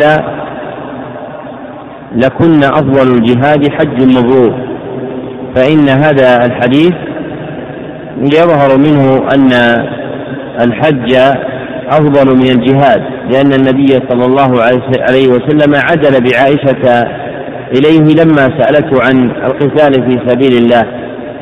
وجواب شيخ الإسلام بن تيمية رحمه الله تعالى هو مستفاد من روايات الحديث لأن هذا الجهاد أفضل الجهاد في حق النساء فالحج والعمرة أفضل جهاد النساء والقتال في سبيل الله أفضل جهاد الرجال. فيقع التأليف بين الأحاديث المروية عن النبي صلى الله عليه وسلم في هذا ولا يقال حينئذ إن الحج المبرور هو أفضل الجهاد على الإطلاق وإنما يكون هو أفضل الجهاد في حق النساء دون غيرهن. نعم. صلى الله عليكم. وقد جاء في فضائل في فضائل الرباط أحاديث الصحيحين والسنن تبين ما ذكرنا. وروى البخاري في صحيح عن سالم بن سعد أن رسول الله صلى الله عليه وسلم قال ربا اليوم في سبيل الله خير من الدنيا وما عليها. وفي صحيح مسلم عن سلمان الفارسي رضي الله عنه عن رسول الله صلى الله عليه وسلم أنه قال رباط يوم وليلة خير من صيام شهر وقيامه وإما تجرى عليه عمله الذي كان يعمله وأجري عليه رزقه ومن العذاب. وفي السنن عن فضالة بن عبيد قال قال النبي صلى الله عليه وسلم ما من ميت يموت إلا ختم عليه عمله إلا من مات مرافقا في سبيل الله فإنه يمنو له عمله إلى يوم القيامة. ويؤمن من فتنة القبر رواه أحمد وأبو داود وأبو داود وهذا لفظ والترمذي بمعناه وزاد سمعت رسول الله صلى الله عليه وسلم يقول المجاهد من جاهد وصوم طاعة الله وقال الترمذي حسن صحيح. وقد تقدم حديث عثمان لبعض في سبيل الله خير من ألف يوم فيما سواه من المنازل. وقد جاء عن السلف آثار فيها ذكر الثور مثل غزة وعسقلان أو إسكندرية وقزوين ونحو ذلك. أما الأحاديث المروية عن النبي صلى الله عليه وسلم بتعيين قزوين والإسكندرية ونحو ذلك فهي موضوعة كذب بلا ريب. عند علماء الحديث إن كان ابن ماجه قد روى في سننه الحديث الذي في فضل قزوين وقد أنكر عليه وقد أنكر عليه العلماء ذلك كل كما أنكروا عليه رواية أحاديث أخرى بضعة عشر حديثا من الموضوعات. ولهذا نقصت مرتبة كتابه عند عن مرتبة أبي داود والنسائي. وقد قدمنا كون كون البلد ثغرا صفة عارضة أو لازمة. فلا يمكن فيه نجم مؤبد ولا ذم مؤبد إلا إذا علم أنه لا يزال على تلك الصفة. فإذا بين المصنف رحمه الله تعالى أن الجهاد هو أفضل الأعمال. ذكر أحاديث عن النبي صلى الله عليه وسلم في فضائل الرباط. وهو ملازمة الثغر والإقامة فيه بنية الجهاد. وذكر رحمه الله تعالى أن هذه الأحاديث الدالة أن هذه الأحاديث الدالة على فضل الرباط نتج منها تعظيم السلف رحمهم الله تعالى لمواضع الثغور فجاء عن جماعة من السلف من الصحابة والتابعين وأتباع التابعين ذكر فضائل لبلدان عدة كانت ثغورا للمسلمين كغزة وعسقلان بأرض الشام والإسكندرية بأرض مصر وقزوين ببلاد ما وراء النهر. وأما عن النبي صلى الله عليه وسلم فالأحاديث التي رويت عنه صلى الله عليه وسلم في مدح هذه البقاع لأنها ثغور الإسلام فلا يصح منها شيء كالأحاديث المروية في فضل الإسكندرية أو في فضل قزوين فهي حديث موضوعة. وقد روى ابن ماجة في كتابه حديث فضل قزوين وبوب عليه وقد أنكره عليه العلماء كما ذكر شيخ الإسلام ابن تيمية وحكم عليه جماعة من أهل العلم بالوضع.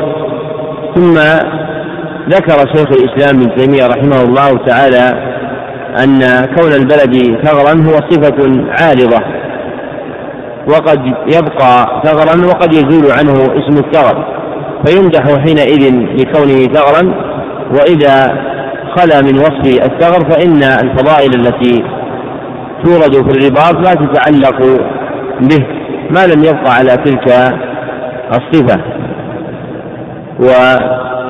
ومن مسائل الرباط التي ينبغي فهمها أن الرباط لا يتعين فضله بمجرد الإقامة في الثغر المواجه للكفار بل يقع هذا الفضل لكل من كان له نصيب منه بأن يقيم بين أظهر المسلمين ويحفظ عليهم شيئا من أمرهم خشية أن يلحق به الضرر. ومن هذا الجنس مرابطات الجند والعساكر في البلاد الإسلامية إذا صحت النية إذا كان المرابط في من العسكر والجند في البلاد الإسلامية ينوي حفظ الإسلام وتأمين أهله وكف الشر عنهم فإن له حظ من الأحاديث الواردة في الرباط لأن العمل الذي علق عليه الفضل الفضل موجود في حقه فهو مرابط لأنه قد ربط نفسه وأوقفها على حفظ الإسلام وتأمين أمر المسلمين فيكون له من الأجر كمن يكون لمن يقف في رباط المسلمين في مقاتلة الكفار. وفي أحوال ربما كان القائم بالرباط في البلاد الإسلامية أفضل من القائم بالرباط في الثغور لأن من قواعد الجهاد كما ذكر ابن هبيرة الوزير أن حفظ رأس المال مقدم على الربح. وحفظ رأس المال فيه إنما يكون بحفظ أمن المسلمين وكف الشر عنهم في البلاد التي هم فيها.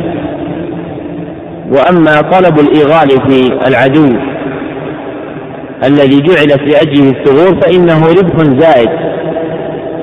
فيعرض حينئذ عارض يقتضي تفضيل الرباط في البلاد الإسلامية على ملازمة الثغور فيها. نعم.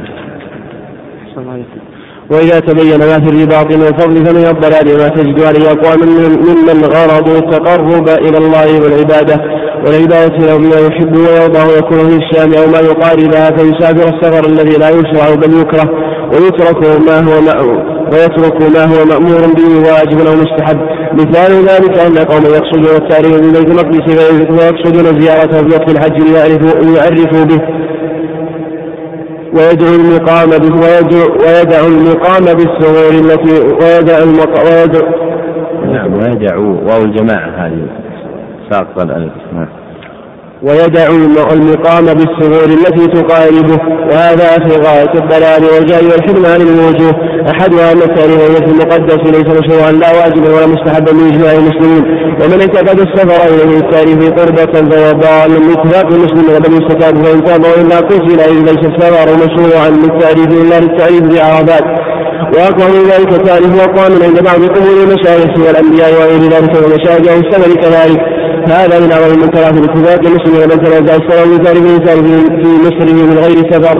مثل أن يذهب يتعرض إلى مسجد أبي يدعو الله ويذكره فكره ذلك طوائف ومنهم أبو حنيفة ومالك وغيرهما. ورخص به آخر منهم الإمام أحمد. قال لأن لأن لأن لأن لأن لأن فعله ابن عباس. لأنه فعله. لأنه فعله ابن عباس ببصرة وعمر بن حرب بالكوفة. وعمر بن حريث بالكوفة. نعم. لأنه فعله ابن عباس بالبصرة وعمر بن حريب بالكوفة. ومع هذا فلم يستحبه أحمد وكان هو نفسه لا يعرف ولا لا يعرف لا لا يعرف ولا ينهى من عرضه وقد قيل عنه أنه يستحب. وأما وأما السفر للتعريف بغير عرفة فلا نزاع بين المسلمين أنه من الضلالات لا سيما إذا كان مشهد مثل مثل قربى أو رجل صالح أو بعض أهل البيت فإن السفر إلى ذلك لغير التعريف له عنه عند جمهور العلماء والأئمة وأتباعهم كما قال النبي صلى الله عليه وسلم لا تشد الرحال إلا إلى ثلاثة مساجد المسجد الحرام والمسجد الأقصى. والمسجد هذا وقد أبو سرة بن أبي بصرة الغفاري ابي أبا هريرة راجع من زيارة الطول فقال لو رأيتك قبل أن تزوره ولم تزره فان النبي صلى الله عليه وسلم قال لا تشد الرحال إلا إلى ثلاث مساجد المسجد الحرام والمسجد الاقصى والمسجد هذا. وقد قال من قال من هؤلاء كاب الوفاء بن عقيل وغيره إن المسافر لجرد الزياره في بعض المشاهد لا يكفر الصلاة لأنه عاصم السفر وإنما رخص بهذا السفر وإنما رخص بهذا السفر وإنما رخص بهذا السفر طائفة من المتأخرين ولكن الزياره إذا اجتاز الرجل من قبل أو خرج إلى ما يوجد من القبور كما كان النبي صلى الله عليه وسلم يخرج إلى المدينة كما زار قبر أمه لما اجتاز قبر أمه لما اجتاز بها في غزوة الفتح وقد ثبت عن الصحيح أنه قال استأذنت ربي أن أزور قبر أمي فاذن لي واستاذنته في أن استغفر لها فلم يأذن لي. فزوروا قبور فانها توقعكم الآخرة. وكان صلى الله عليه وسلم يعلم أصحابه إذا زاروا قبورا يقول أحدهم السلام عليكم أهل دار أهل دار قوم المؤمنين وإن إن شاء الله بكم لاحقون ويرحم الله المستقدمين منا والمستغفرين. نسأل الله لنا ولكم العافية. اللهم لا تحرمنا أكرم ولا تفتنا بعدهم وقد روى عن النبي صلى الله عليه وسلم أنه قال ما من رجل يمر بقبر الرجل كان يعرفه الدنيا فيسلم عليه إلا رد الله عليه الروح حتى يرد عليه السلام. والزيارة مشروعة المسلم أن يسلم عليه ويدعو له كما أن الصلاة مقصود والدعاء له. ولهذا نهى النبي صلى الله ولهذا نهى الله سبحانه وتعالى نبيه صلى الله عليه وسلم عن الأمرين في حق المنافقين كما قال تعالى ولا تصل على أحد منهم مات أبدا ولا تقم على قبره. ولا النبي ونهى نبيه صلى الله عليه وسلم عن الصلاة على المنافقين والقيام على قبورهم. فكان بذلك دلالة على أن النبي يصلى عليهم ويقام على قبورهم. وقد قال طائف من السلف والخلف وهو القيام على قبورهم بالدعاء والاستغفار وزيارة قبر المؤمن النبي وغيره المقصود والتحية والدعاء له فأما اتخاذ القبور مساجد والإشراك بها. فذلك كله حرام بإجماع المسلمين. كما في الصحيحين عن النبي صلى الله عليه وسلم أنه قال في مرضه الذي مات فيه لعن الله اليهود والنصارى اتخذوا قبور أنبياء المساجد يحذر ما صنعوا. قالت عائشة ولولا ذلك لأبرز قبره لأبرز قبره ولكن كي أن يتخذ مسجدا. وفي صحيح مسلم أنه قال قبل أن يموت بخمس إني أبرأ إلى الله أن يكون لي منكم خليل ولو كنت متخذا من أمتي خليلا بكر خليلا. ألا وإن من كان قبلكم كانوا يتخذون قبور أنبيائهم وصالحهم مساجد ألا فلا تتخذوا قبور مساجد إني أنهاكم عن ذلك. وفي السنن عنه أنه قال صلى الله عليه وسلم لعن الله زوارات القبور والمتخذين عليها المساجد والسرج والسرج. وقد اتفق أئمة المسلمين على أنه على أنه لا تشرع الصلاة عند القبور وقصدها وقصدها وقصدها لأجل الدعاء عندها ولا التمسح بها وتقبيلها سواء في ذلك قبور الأنبياء وغيرهم. بل ليس تحت هذه السماء ما يشرع التمسح به وتقبيله وحجر وشهد وركن وما يستحب التمسح بهما.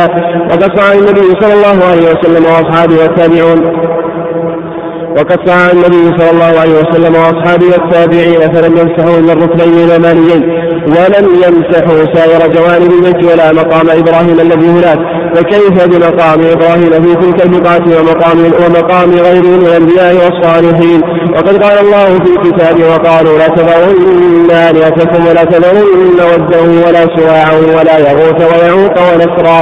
قال طوائف من الصحابه والتابعين هؤلاء كانوا قوم صالحين في قوم فلما ماتوا عكفوا على قبورهم لما طال عليهم الأمد صوروا صورهم وكان ذلك مبدأ عاد وكان ذلك مبدأ عبادة الأوثان. ولهذا قال النبي صلى الله عليه وسلم ما رواه مالك بن موطأ اللهم لا تجعل قبري وثنا يعبد وفي السنن عنه أنه قال صلى الله عليه وسلم لا تتخذوا قبري عيدا. فالسفر التالي بعض المشاهد حرام فيكون منزلة بمنزلة لحم الخنزير. وأما السفر التالي بيت المقدس المقدس مثلا والسفر زيارة بعض القبور أو البقاع المساجد الثلاث فهو أيضا منهي عنه وإن كان وجد في ذلك لمن عهد, عهد إلى هذه البدع التي فيها من الشرك ما فيها فتعبد بها وأقام بها وقصد ما يقصد من البقاع إلى أجلها وترك أن يقصد من البقعة من البقعة أو ما هو قريب من هذا أجر باطل سبيل الله. الذي هو من أفضل الأعمال بالكتاب والسنة وإجماع المسلمين أليس هو ممن استبدل السيئات بالحسنات. الوجه الثاني أنه لو قدر أنه قصد بعض هذه البقاع قصدا مشروعا مثل السفر إلى بيت المقدس على وجه مشروع للصلاه به والاعتكاف فإن هذا عمل صالح بقيام المسلمين وإن كان قد دخل في بدع كثيره مثل البدع التي تفعل هنا من السماع للمكاء والتصديه للنصف وعشر عشر ذي الحجة. ونحو ذلك من استلام بعض ما هناك من الأحجار فإنه لا يشرع أن يستلم أحد قط فإنه لا يشرع أن يستلم أحد قط إلا الركن اليماني من البيت عتيق ومثل اعتقادهم أن ذلك القدم القدم المصنوع قدم النبي صلى الله عليه وسلم وظن أجهل من وظن أجهل منهم أنه قدم الله وأشباه هذه الجهالات. فالزيارة إذا سلمت عن هذه البدع وغيرها كانت شرعية والسواء ويكون الرباط أفضل منها والعدول عن الفاضل المفضول ما استوى غير محمود. الوجه الثالث أن من الناس من يقصد مجاورة بيت المقدس ويدعو مجاورة الفائدة وقريب منه وهذا الباب من أفضل من أفضل الأفضل وأجل وهو فرض على الكفاية ومعلوم أن هذا أعظم خسران وأشد حرمانا. وهذا عد عن اتباع الشريعة فإن المجاورة بالحرمين وقد يتأثر عليه ذلك من المراد في اختيار المكانين. أما أما ما تفاوت مكانين فالعدول عن هذا. أما ما تقارب المكانين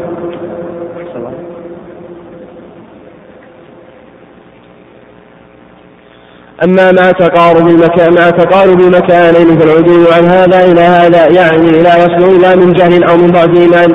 اللهم إذا نظر هذا فيكون هذا معذورا وأما الكلام لمن يقدر على الأمرين ولهذا لما كان أهل البدع مثل أمرين بين المصنف رحمه الله تعالى ما في الرباط في الجهاد من الفضل. ذكر رحمه الله تعالى أن من الضلال ما يفعله أقوام من قصدهم السفر إلى بيت المقدس للتعريف فيه وترك المقام بالثغول التي تقاربه. فيتركون الخروج إلى الجهاد وهو قريب منهم في البلاد الشامية ويخرجون للتعريف بالبيت المقدس. والمراد بالتعريف الاجتماع يوم عرفة بغيرها.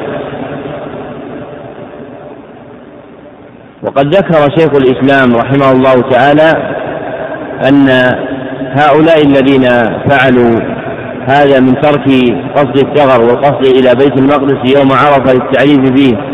وهم قريبون من الثغر أنهم واقعون في غاية الضلال والجهل والحرمان من وجوه عدة.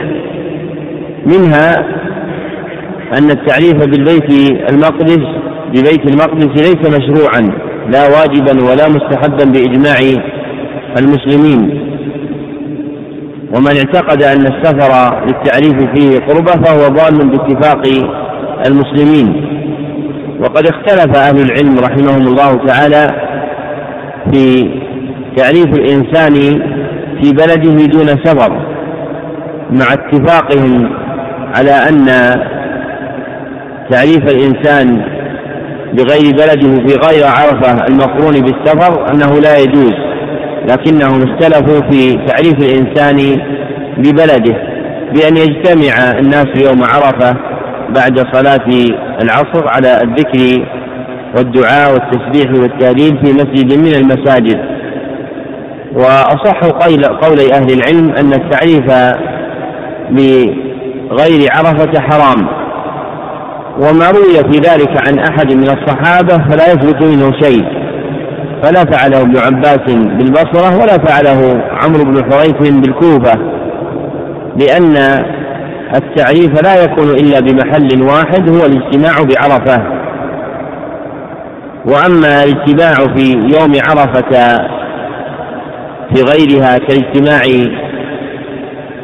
ببلد معين فهذا إن كان ذلك البلد هو بلد المعرف فهو محرم. وإن كان في بلد آخر يحتاج إلى سفر فإنه أشد في التحريم لأن أهل العلم مجمعون على المنع من السفر لأجل هذا. فإن السفر إلى هذا المحل منهي عنه والشرع لم يأتي بالإذن بشد الرحال إلا إلى المساجد الثلاثة كما ذكر ذلك شيخ الإسلام ابن تيمية في هذا الموضع وأورد الأدلة على ذلك. ويندرج في ما ينهى عنه حينئذ السفر إلى القبور لقصد السلام على أهلها وتعظيمها. فالسفر لأجل هذا محرم في أصح قولي أهل العلم أيضا. وكثير من هؤلاء الزوار يخرجون عن الزيارة الشرعية إلى الزيارة الشركية. فهم لا يسافرون إلى تلك القبور لأجل السلام على أهلها والدعاء لهم ولكنهم يسافرون إليهم لأجل أن يطلبوا هم دعاء أولئك المقبولين لهم. فهم قد خالفوا مراد الشرع في زيارة القبور فعوضا عن أن يكون الزائر داعيا للمزور صار الزائر ملتمسا للدعاء من المزور. فاتخذوا القبور مساجدا وأشركوا بالله سبحانه وتعالى. وهذا كله حرام بإجماع المسلمين. وقد ذكر شيخ الإسلام ها هنا الأدلة المحرمة من السنة النبوية على عن هذا الفعل. وذكر أن علماء الإسلام متفقون على أنه لا تشرع الصلاة عند القبور ولا قصدها لأجل الدعاء. ولا التمسح بها ولا تقبيلها وأن هذا إنما كان طريقة من هلك من الأمم السابقة الذين تعلقوا بأنبيائهم والصالحين منهم ورفعوهم فوق المقام الذي لهم فوقع الشرك في قوم نوح فكان أول شرك في الأرض ثم لم يزل هؤلاء المشركون من قوم نوح لهم وراث في كل أمة يعظمون المشاهد والقباب والمزارات ويسافرون لأجلها ويسألون أهلها. ثم ذكر رحمه الله تعالى الوجه الثاني وهو أنه لو قدر أنه قصد بعض هذه البقاع قصدا مشروعا كالسفر إلى بيت المقدس لأجل الصلاة فإن هذا العمل الصالح وهو السفر إلى بيت المقدس لأجل الصلاة وترك الثغر لا ينفك عن الوقوع في بدع كثيرة صارت عادة دارجة حينئذ لأهل بيت المقدس من السماع الباطل واستلام الأحجار وتعظيم بقع من بيت المقدس. واعتقاد عقائد باطلة في ذلك. فالزيارة وإن كانت شرعية حينئذ فإنها لا تسلم من التلطف بهذه البدع.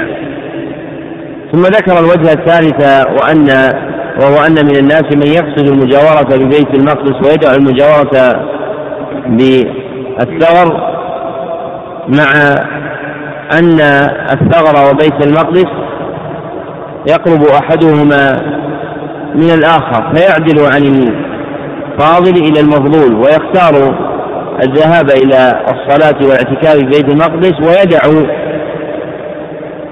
البروز إلى الثغور والإقامة بها. فهذه الأدلة فهذه الوجوه الثلاثة دالة على أن ما يفعله من يفعله من الناس من ترك الثغر والعدول عنه إلى مكان قريب منه يتعبد فيه. ولو كان ذلك المكان فاضلا كبيت المقدس أن هذا خلاف ما يجب وأن تعبده وإقامته بالثغر أفضل مما يفعله ولكن الشيطان يصده من هذا إلى هذا. وهؤلاء الذين ذكرهم شيخ الإسلام ابن تيمية رحمه الله تعالى لا يزال لهم مراه يزعمون أن النبي صلى الله عليه وسلم جاء بإصلاح النفوس ولم يجئ بجز الروس. فعند ذلك لا يرون أن للإقامة بالثغر فضيلة. بل كان منهم من يأتي إلى بعض ثغور الإسلام ويدعو أهلها إلى النزول معهم وإلى الخروج في سبيل الله. وهذا من أعظم الضلال لأنهم بدلوا ما جعله الله سبحانه وتعالى خروجا وهو الجهاد في سبيل الله إلى حال اصطلحوا عليها. ثم زادوا ضلالهم بدعوتهم المرابطين بالثغور بالثغور إلى ترك هذه الثغور. والسياحة معهم في الأرض. فهؤلاء وراث أولئك الضلال الذين ذكر شيخ الإسلام ابن تيمية حالهم. والنبي صلى الله عليه وسلم بلا ريب جاء بإصلاح النفوس. لكن من النفوس نفوس خبيثة لا تصلحها الدعوة فلا يكون حقها إلا جز رؤوسها. كما أن من القلوب قلوب قاسية لا تلين بذكر الله. فيلينها الله سبحانه وتعالى بالنار. فكما جعل الله سبحانه وتعالى النار لتليين القلوب القاسية في الآخرة فقد جعل الجهاد لجز رؤوس النفوس الخبيثة. وإنما أتي هؤلاء من جهلهم حتى جرهم هذا الجهل إلى تحويل الشريعة عن وجهها وإبطال الجهاد بالكلية. فهم لا يرون أن الجهاد هو قتال الكفار ودفعهم عن بلاد المسلمين بل الجهاد عندهم هم الأوضاع التي اصطلحوا عليها من الذكر والاجتماع والزيارة. ولا ريب أن هذا من أعظم الضلال وأن شر هؤلاء على المسلمين من أعظم الشرور خلافا لما يقوله بعض الناس من أن شرهم يسير وأن بدعتهم خفيفة ولو ازدهمت الأمور لعلم الإنسان حقائق مذاهب هؤلاء القوم فإنهم أسرع الناس تركا للبلاد إذا دهم لأنهم يزعمون أن الله سبحانه وتعالى ما أمرنا بجز الروس وإنما أمرنا بإصلاح النفوس. فإذا تعطل هذا في بلدنا الذي دهم تحولنا إلى بلد آخر نسعى فيه في إصلاح النفوس حتى يأذن الله بإذنه القدري فمقالة هؤلاء ظلمات بعضها فوق بعض. وإنما يعرف هذا من مارس كلام القوم وميز موقفهم تجاه الجهاد في سبيل الله ورأى أعمالهم في بعض الثغور التي كان يرابط فيها أهل الجهاد في سبيل الله في هذه السنين. وأنهم كانوا لا يرون أن ذلك فعلا مشروعا وأنهم كانوا يدعون أهل الجهاد إلى ترك ما هم عليه إلى الخروج معهم في زياراتهم وجولاتهم كما زعموا. نعم. صلى الله عليه ولهذا لما كان أهل البدع مؤمنين أمر الجهاد معظمين والزيارات استولى الكفار على كثير من السرور حتى قتلوا حتى قتلوا في المقدس وقتلوا في المجاورة إن شاء الله. وكان قد جرت فيه بدع كثيرة من ذلك من يقصد بعض هذه البقاع إما جبل لبنان وإما غيره وإما لزيارته ظنيا أنه أن فيه الصالحين من الأبجاد وغيرهم ويدعو أن يقصد للرباط في سبيل الله. فإن هذا أيضا والضلال العظيم بأصل السفر الزيارة غير مشروع ولا مأمور به بل هو من البدع والضلال.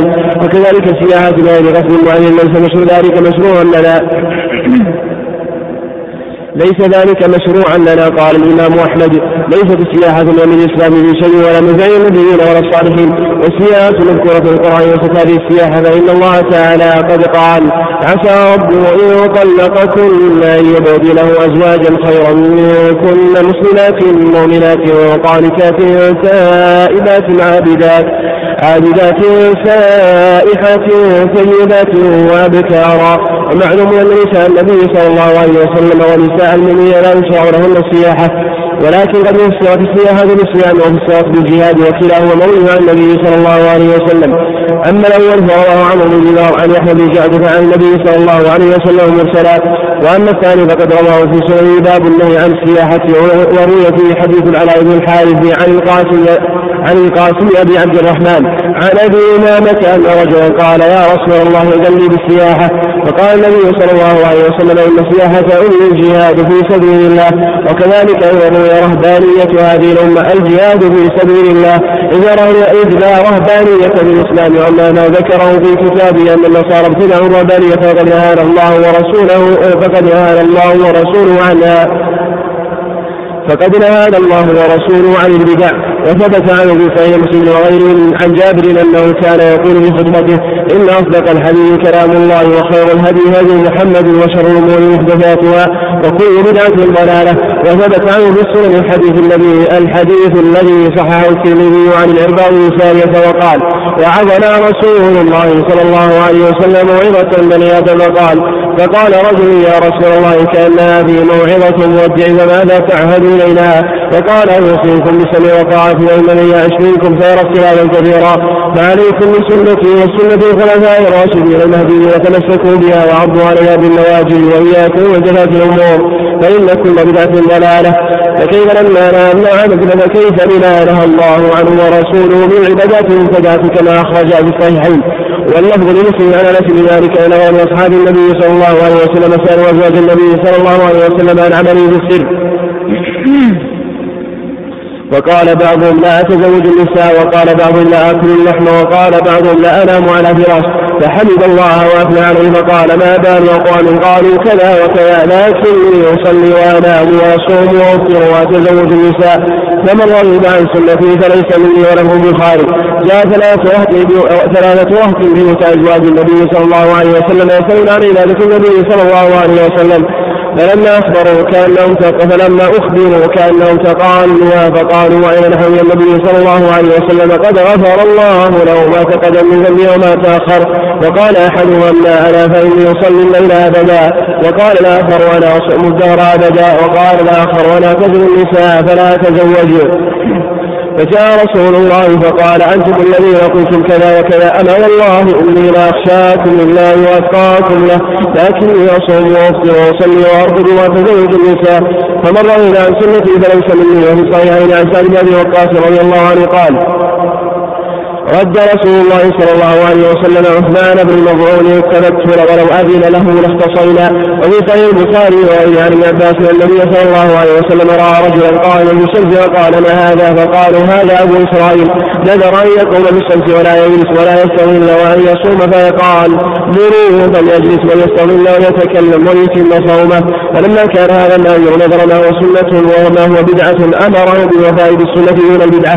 كما في صحيح البخاري عن عائشة رضي الله عنها عن النبي صلى الله عليه وسلم أنه قال من نذر أن يطيع الله فليطعه ومن نذر أن يعصيه فلا يعصيه. وهذا متفق عليه بيان في الدين ذات لكن فلا هل عليه كفارة يمين أو نذر ما ليس مشروع أو نذر ما ليس مشروعا بل اتفاقهم على أنه لا يفعل.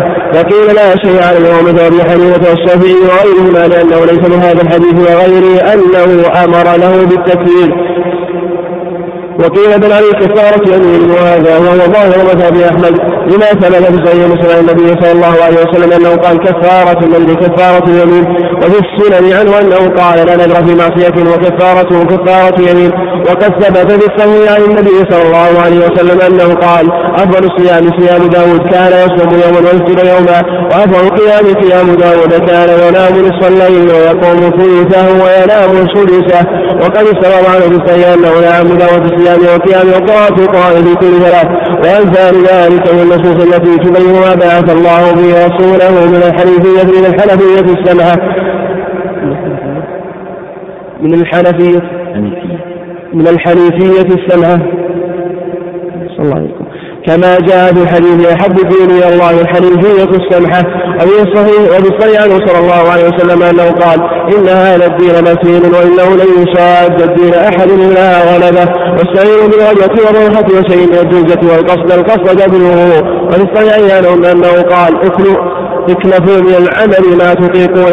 فإن الله لا يمل حتى تملوا وفي السنن عنه أنه قال لكل عامل سيرة, سيرة وفترة فمن كانت فترته إلى سنة فقد اهتدى. ومن أخفى لعامل سرة. سرة وفترة نعم. الله عليكم لكل عامل سرة وفترة فمن كانت فتاته إلى سنة فقد اهتدى ومن أخفاها فقد ضل. وفي لفظ ولكل شرة فتاة فإن صاحبها سجد فإن صاحبها سجد وقارب فرجه وإن أشير بالأصابع فلا تعده فقيل الحسن البصري لما روى هذا الحديث إنك إذا مرت بالسوق فإن الناس يشيرون إليك فقال لم يرد ذلك وإنما أراد المبتدع في دينه والفاجر في دنيا دنياه. وهو كما قال الحسن رضي الله عنه فإن الناس من يكون له شدة ونشاط وحدة واجتهاد عظيم في العبادة. ثم لا بد من ذكوره ذلك. في فترة نوعان من من يلزم السنة ولا يترك ما أمر ما أمر به ولا يفعل ما نهي عنه بل يلزم عبادة الله إلى الممات كما قال تعالى واعبد ربك حتى يأتيك اليقين عن الموت قال الحسن البصري لم يجعل الله لعباده المؤمنين أجلا دون الموت ومنهم من يخرج ذلك في دينه فجور في دنياه حتى يشير إليه الناس فيقال هذا كان مستيلا بدين ثم صار كذا وكذا فهذا مما يخاف على من بدل فهذا مما يخاف على من بدل عن من على من عدل عن العبادات فهذا مما يخاف على من عدل عن العبادات الشرعية إلى الزيارات إلى الزيادات البدعية ولهذا قال أبي بن كعب وعبد الله بن مسعود اقتصاد في سنة خير من خير من اجتهاد في بدعة. بعد أن بين شيخ الإسلام رحمه الله تعالى ما آل إليه حال بعض بعض حال بعض الضلال من ترك الرباط في الثغور وقصد السفر إلى المساجد أو القبور والمزارات والمشاهد وأن هذا جر بهم جرهم إلى الوقوع فيما نهاهم الله سبحانه وتعالى عنه من اتخاذ القبور مساجد فوقعوا في الشرك. نشأ من ذلك إهمال الجهاد بسبب فشو البدع وكثرة أهلها. فأهمل الجهاد وتعلق هؤلاء بالمزارات والزيارات. فاستولى الكفار على كثير من الثغور حتى قتلوا خلقا كثيرا من المجاورين في بيت المقدس وفي غيره. ثم إن هؤلاء قد ظنوا أن الشرع جاء بإقرار ما هم عليه وأن الشريعة جاءت بالسياحة لغير قصد معين والضرب في الأرض. فذكر شيخ الإسلام رحمه الله تعالى أن السياحة بهذا المعنى ليست من الإسلام في شيء بل هي من البدع التي سرت إليه من الأديان الباطلة. وأن السياحة في الإسلام لا توجد بهذا المعنى. والذي دلت عليه دلائل القرآن والسنة وكلام السلف رحمهم الله تعالى أن السياحة في الإسلام شيئان. أحدهما الجهاد والثاني الصيام. وظواهر النصوص أن الجهاد حق الرجال وأن الصيام حق النساء. وهذا هو المناسب لحال كل لأنه لما كان الرجل مأمورا بالجهاد كان هو سياحته ولما كانت المرأة غير مأمورة بالجهاد كانت ملازمتها لهذه العبادة سياحة لها. كما أن هذه الأفعال التي فعلوها من الرهبانية والتشدد هي خلاف ما جاء به الإسلام فلا رهبانية في الإسلام بل الإسلام دين حنيف سمح لا تشديد فيه.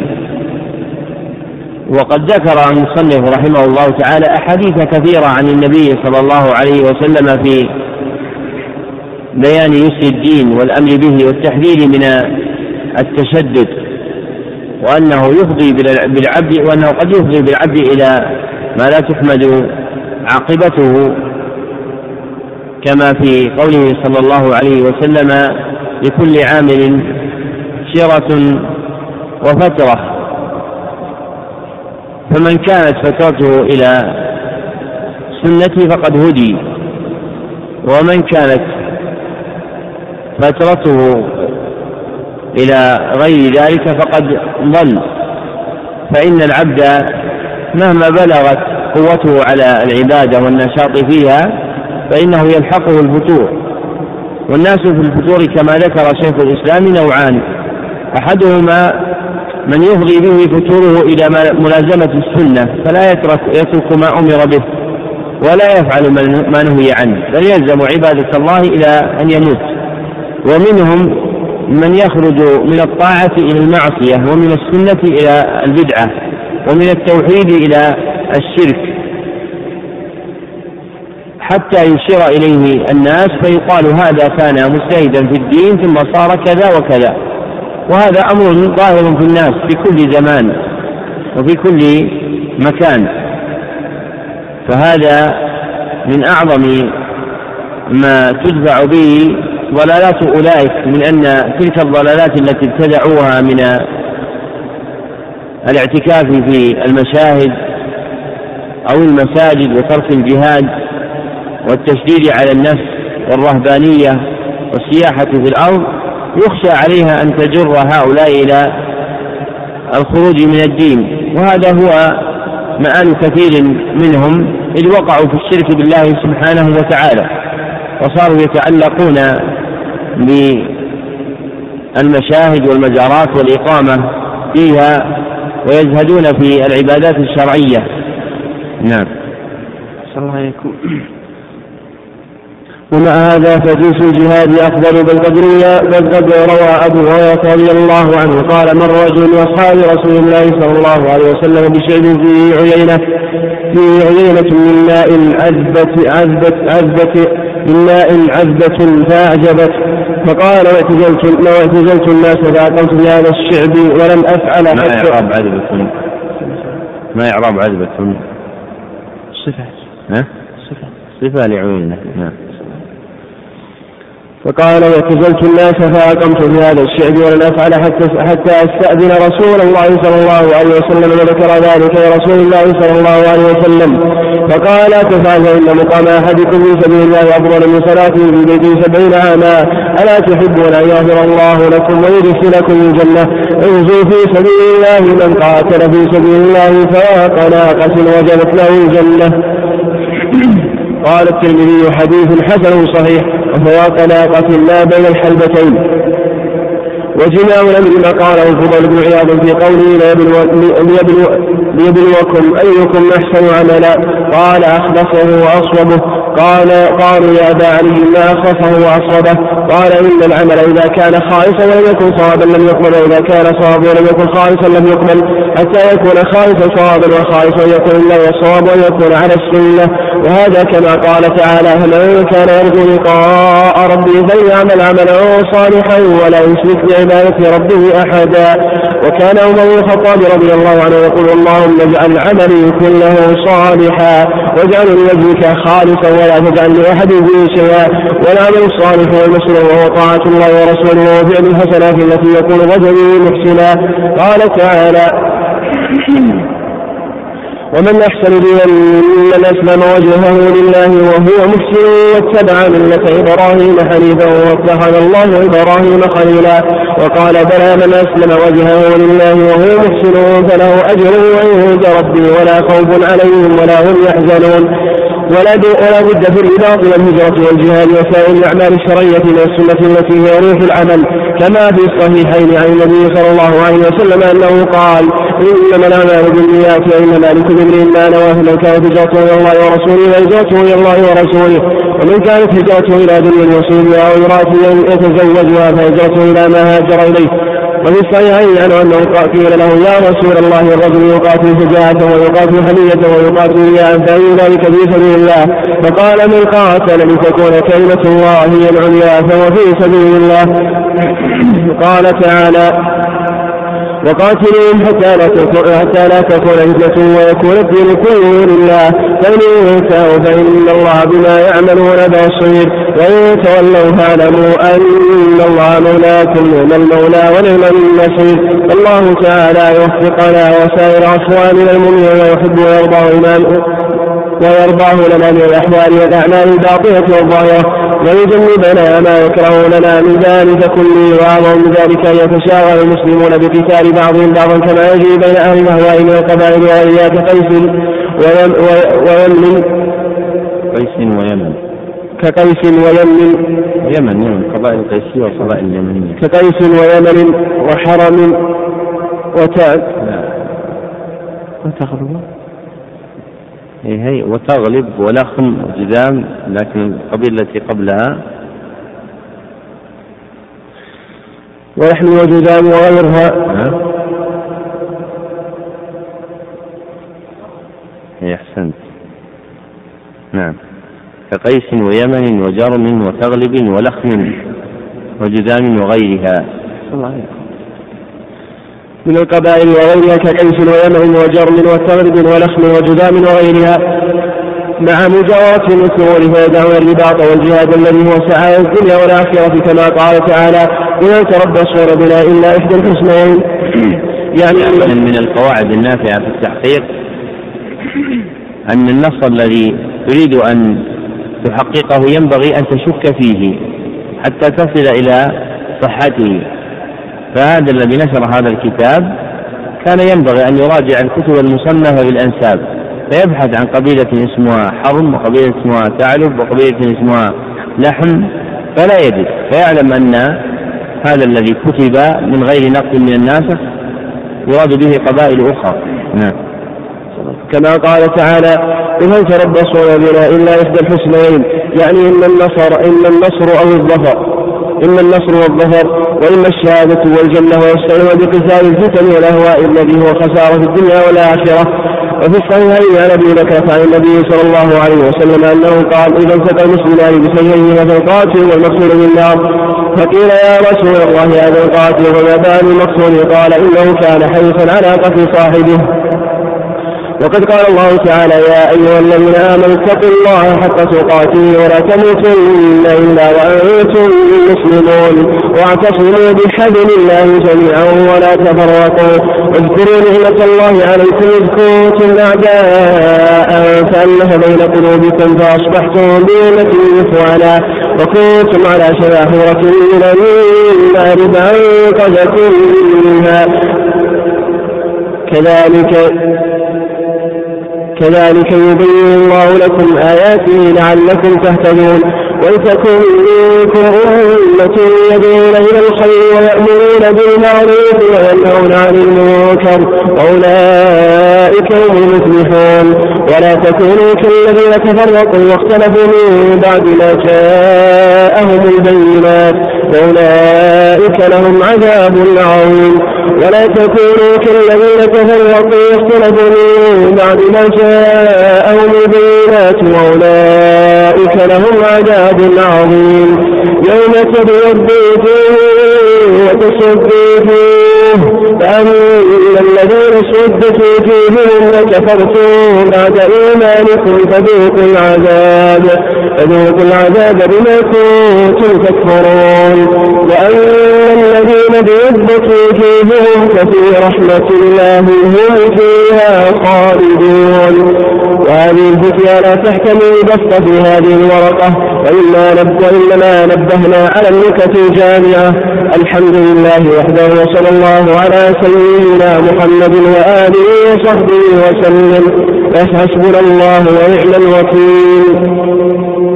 بعد أن بين المصنف رحمه الله تعالى أن حال الرهبنة والسياحة على الوضع الذي يفعله هؤلاء ليس من أوضاع الشريعة نبه على أن تلك الأوضاع وإن اشتملت على أعمال صالحة كالذكر والصلاة فإن جنس الجهاد أفضل من غيره من الأعمال كما تقدم. ثم نبه على أن جماع الأمر في الدين كله يرجع إلى الإخلاص والمتابعة لسنة النبي صلى الله عليه وسلم وأن الأعمال إذا خلت منهما فإنها مهما بلغت عند أصحابها ليست أعمالا صالحة فإن العمل الصالح لا بد من إخلاص فيه ولا بد من متابعة والمراد بالإخلاص تصفية القلب من قصد غير الله والمراد بالمتابعة لزوم طريقة رسول الله صلى الله عليه وسلم. هذا هو العمل الصالح والدين الحسن. ولا بد من هذا الأمر في كل شيء ومن ذلك الرباط والهجرة والجهاد. لا بد فيها من نية صالحة ومتابعة صادقة لسنة النبي صلى الله عليه وسلم. فإذا وقع الرباط والجهاد والهجرة على غير هذا فإنه ليس بعمل صالح. فإذا جاهد المجاهد ونيته مدخولة يقاتل حمية أو يقاتل شجاعة أو يقاتل رياء فليس في سبيل الله. وإذا قاتل على غير طريقة النبي صلى الله عليه وسلم وهديه صلوات الله وسلامه عليه في الجهاد ومعاملة المقاتلين والمقاتلين وترتيب أحكام الجهاد وأحوال الجند وحشد العساكر فإنه يخرج من طلب الجهاد في سبيل الله إلى جهاد آخر. لا يمت بصلة إلى الجهاد في سبيل الله لأن الجهاد في سبيل الله ليس موكولا إلى الأهواء والآراء وميل النفوس وحثالات الأذهان وإنما يرد إلى اتباع طريقة النبي صلى الله عليه وسلم في الجهاد. وقد بين النبي صلى الله عليه وسلم لنا أحكام الجهاد بيانا تاما في غزواته وسراياه صلى الله عليه وسلم. ومن أحسن العلماء الذين بينوا أحكام الجهاد المستنبطة من الأحوال النبوية في الغزوات والسرايا ابن القيم في زاد المعاد فإنه أثار في هذا. وذكر الأحكام الفقهية المستنبطة من الأحوال الجهادية مع غزارة العلم وكمال الإيمان وصحة التمسك بالأحاديث والآثار فمثله ينتفع بكلامه كثيرا.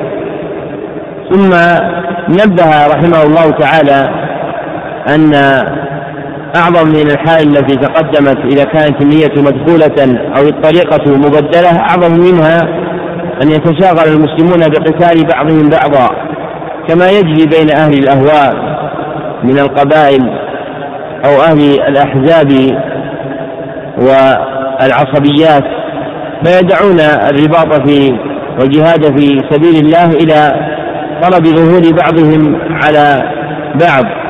رغبة في هذه الدنيا ويقتل بعضهم بعضا ويظلم بعضهم بعضا. وليست هذه بأحوال المؤمنين بل هذا من تسلط الشياطين. وهذا آخر التقرير على هذه الرسالة النافعة لشيخ الإسلام ابن تيمية رحمه الله تعالى.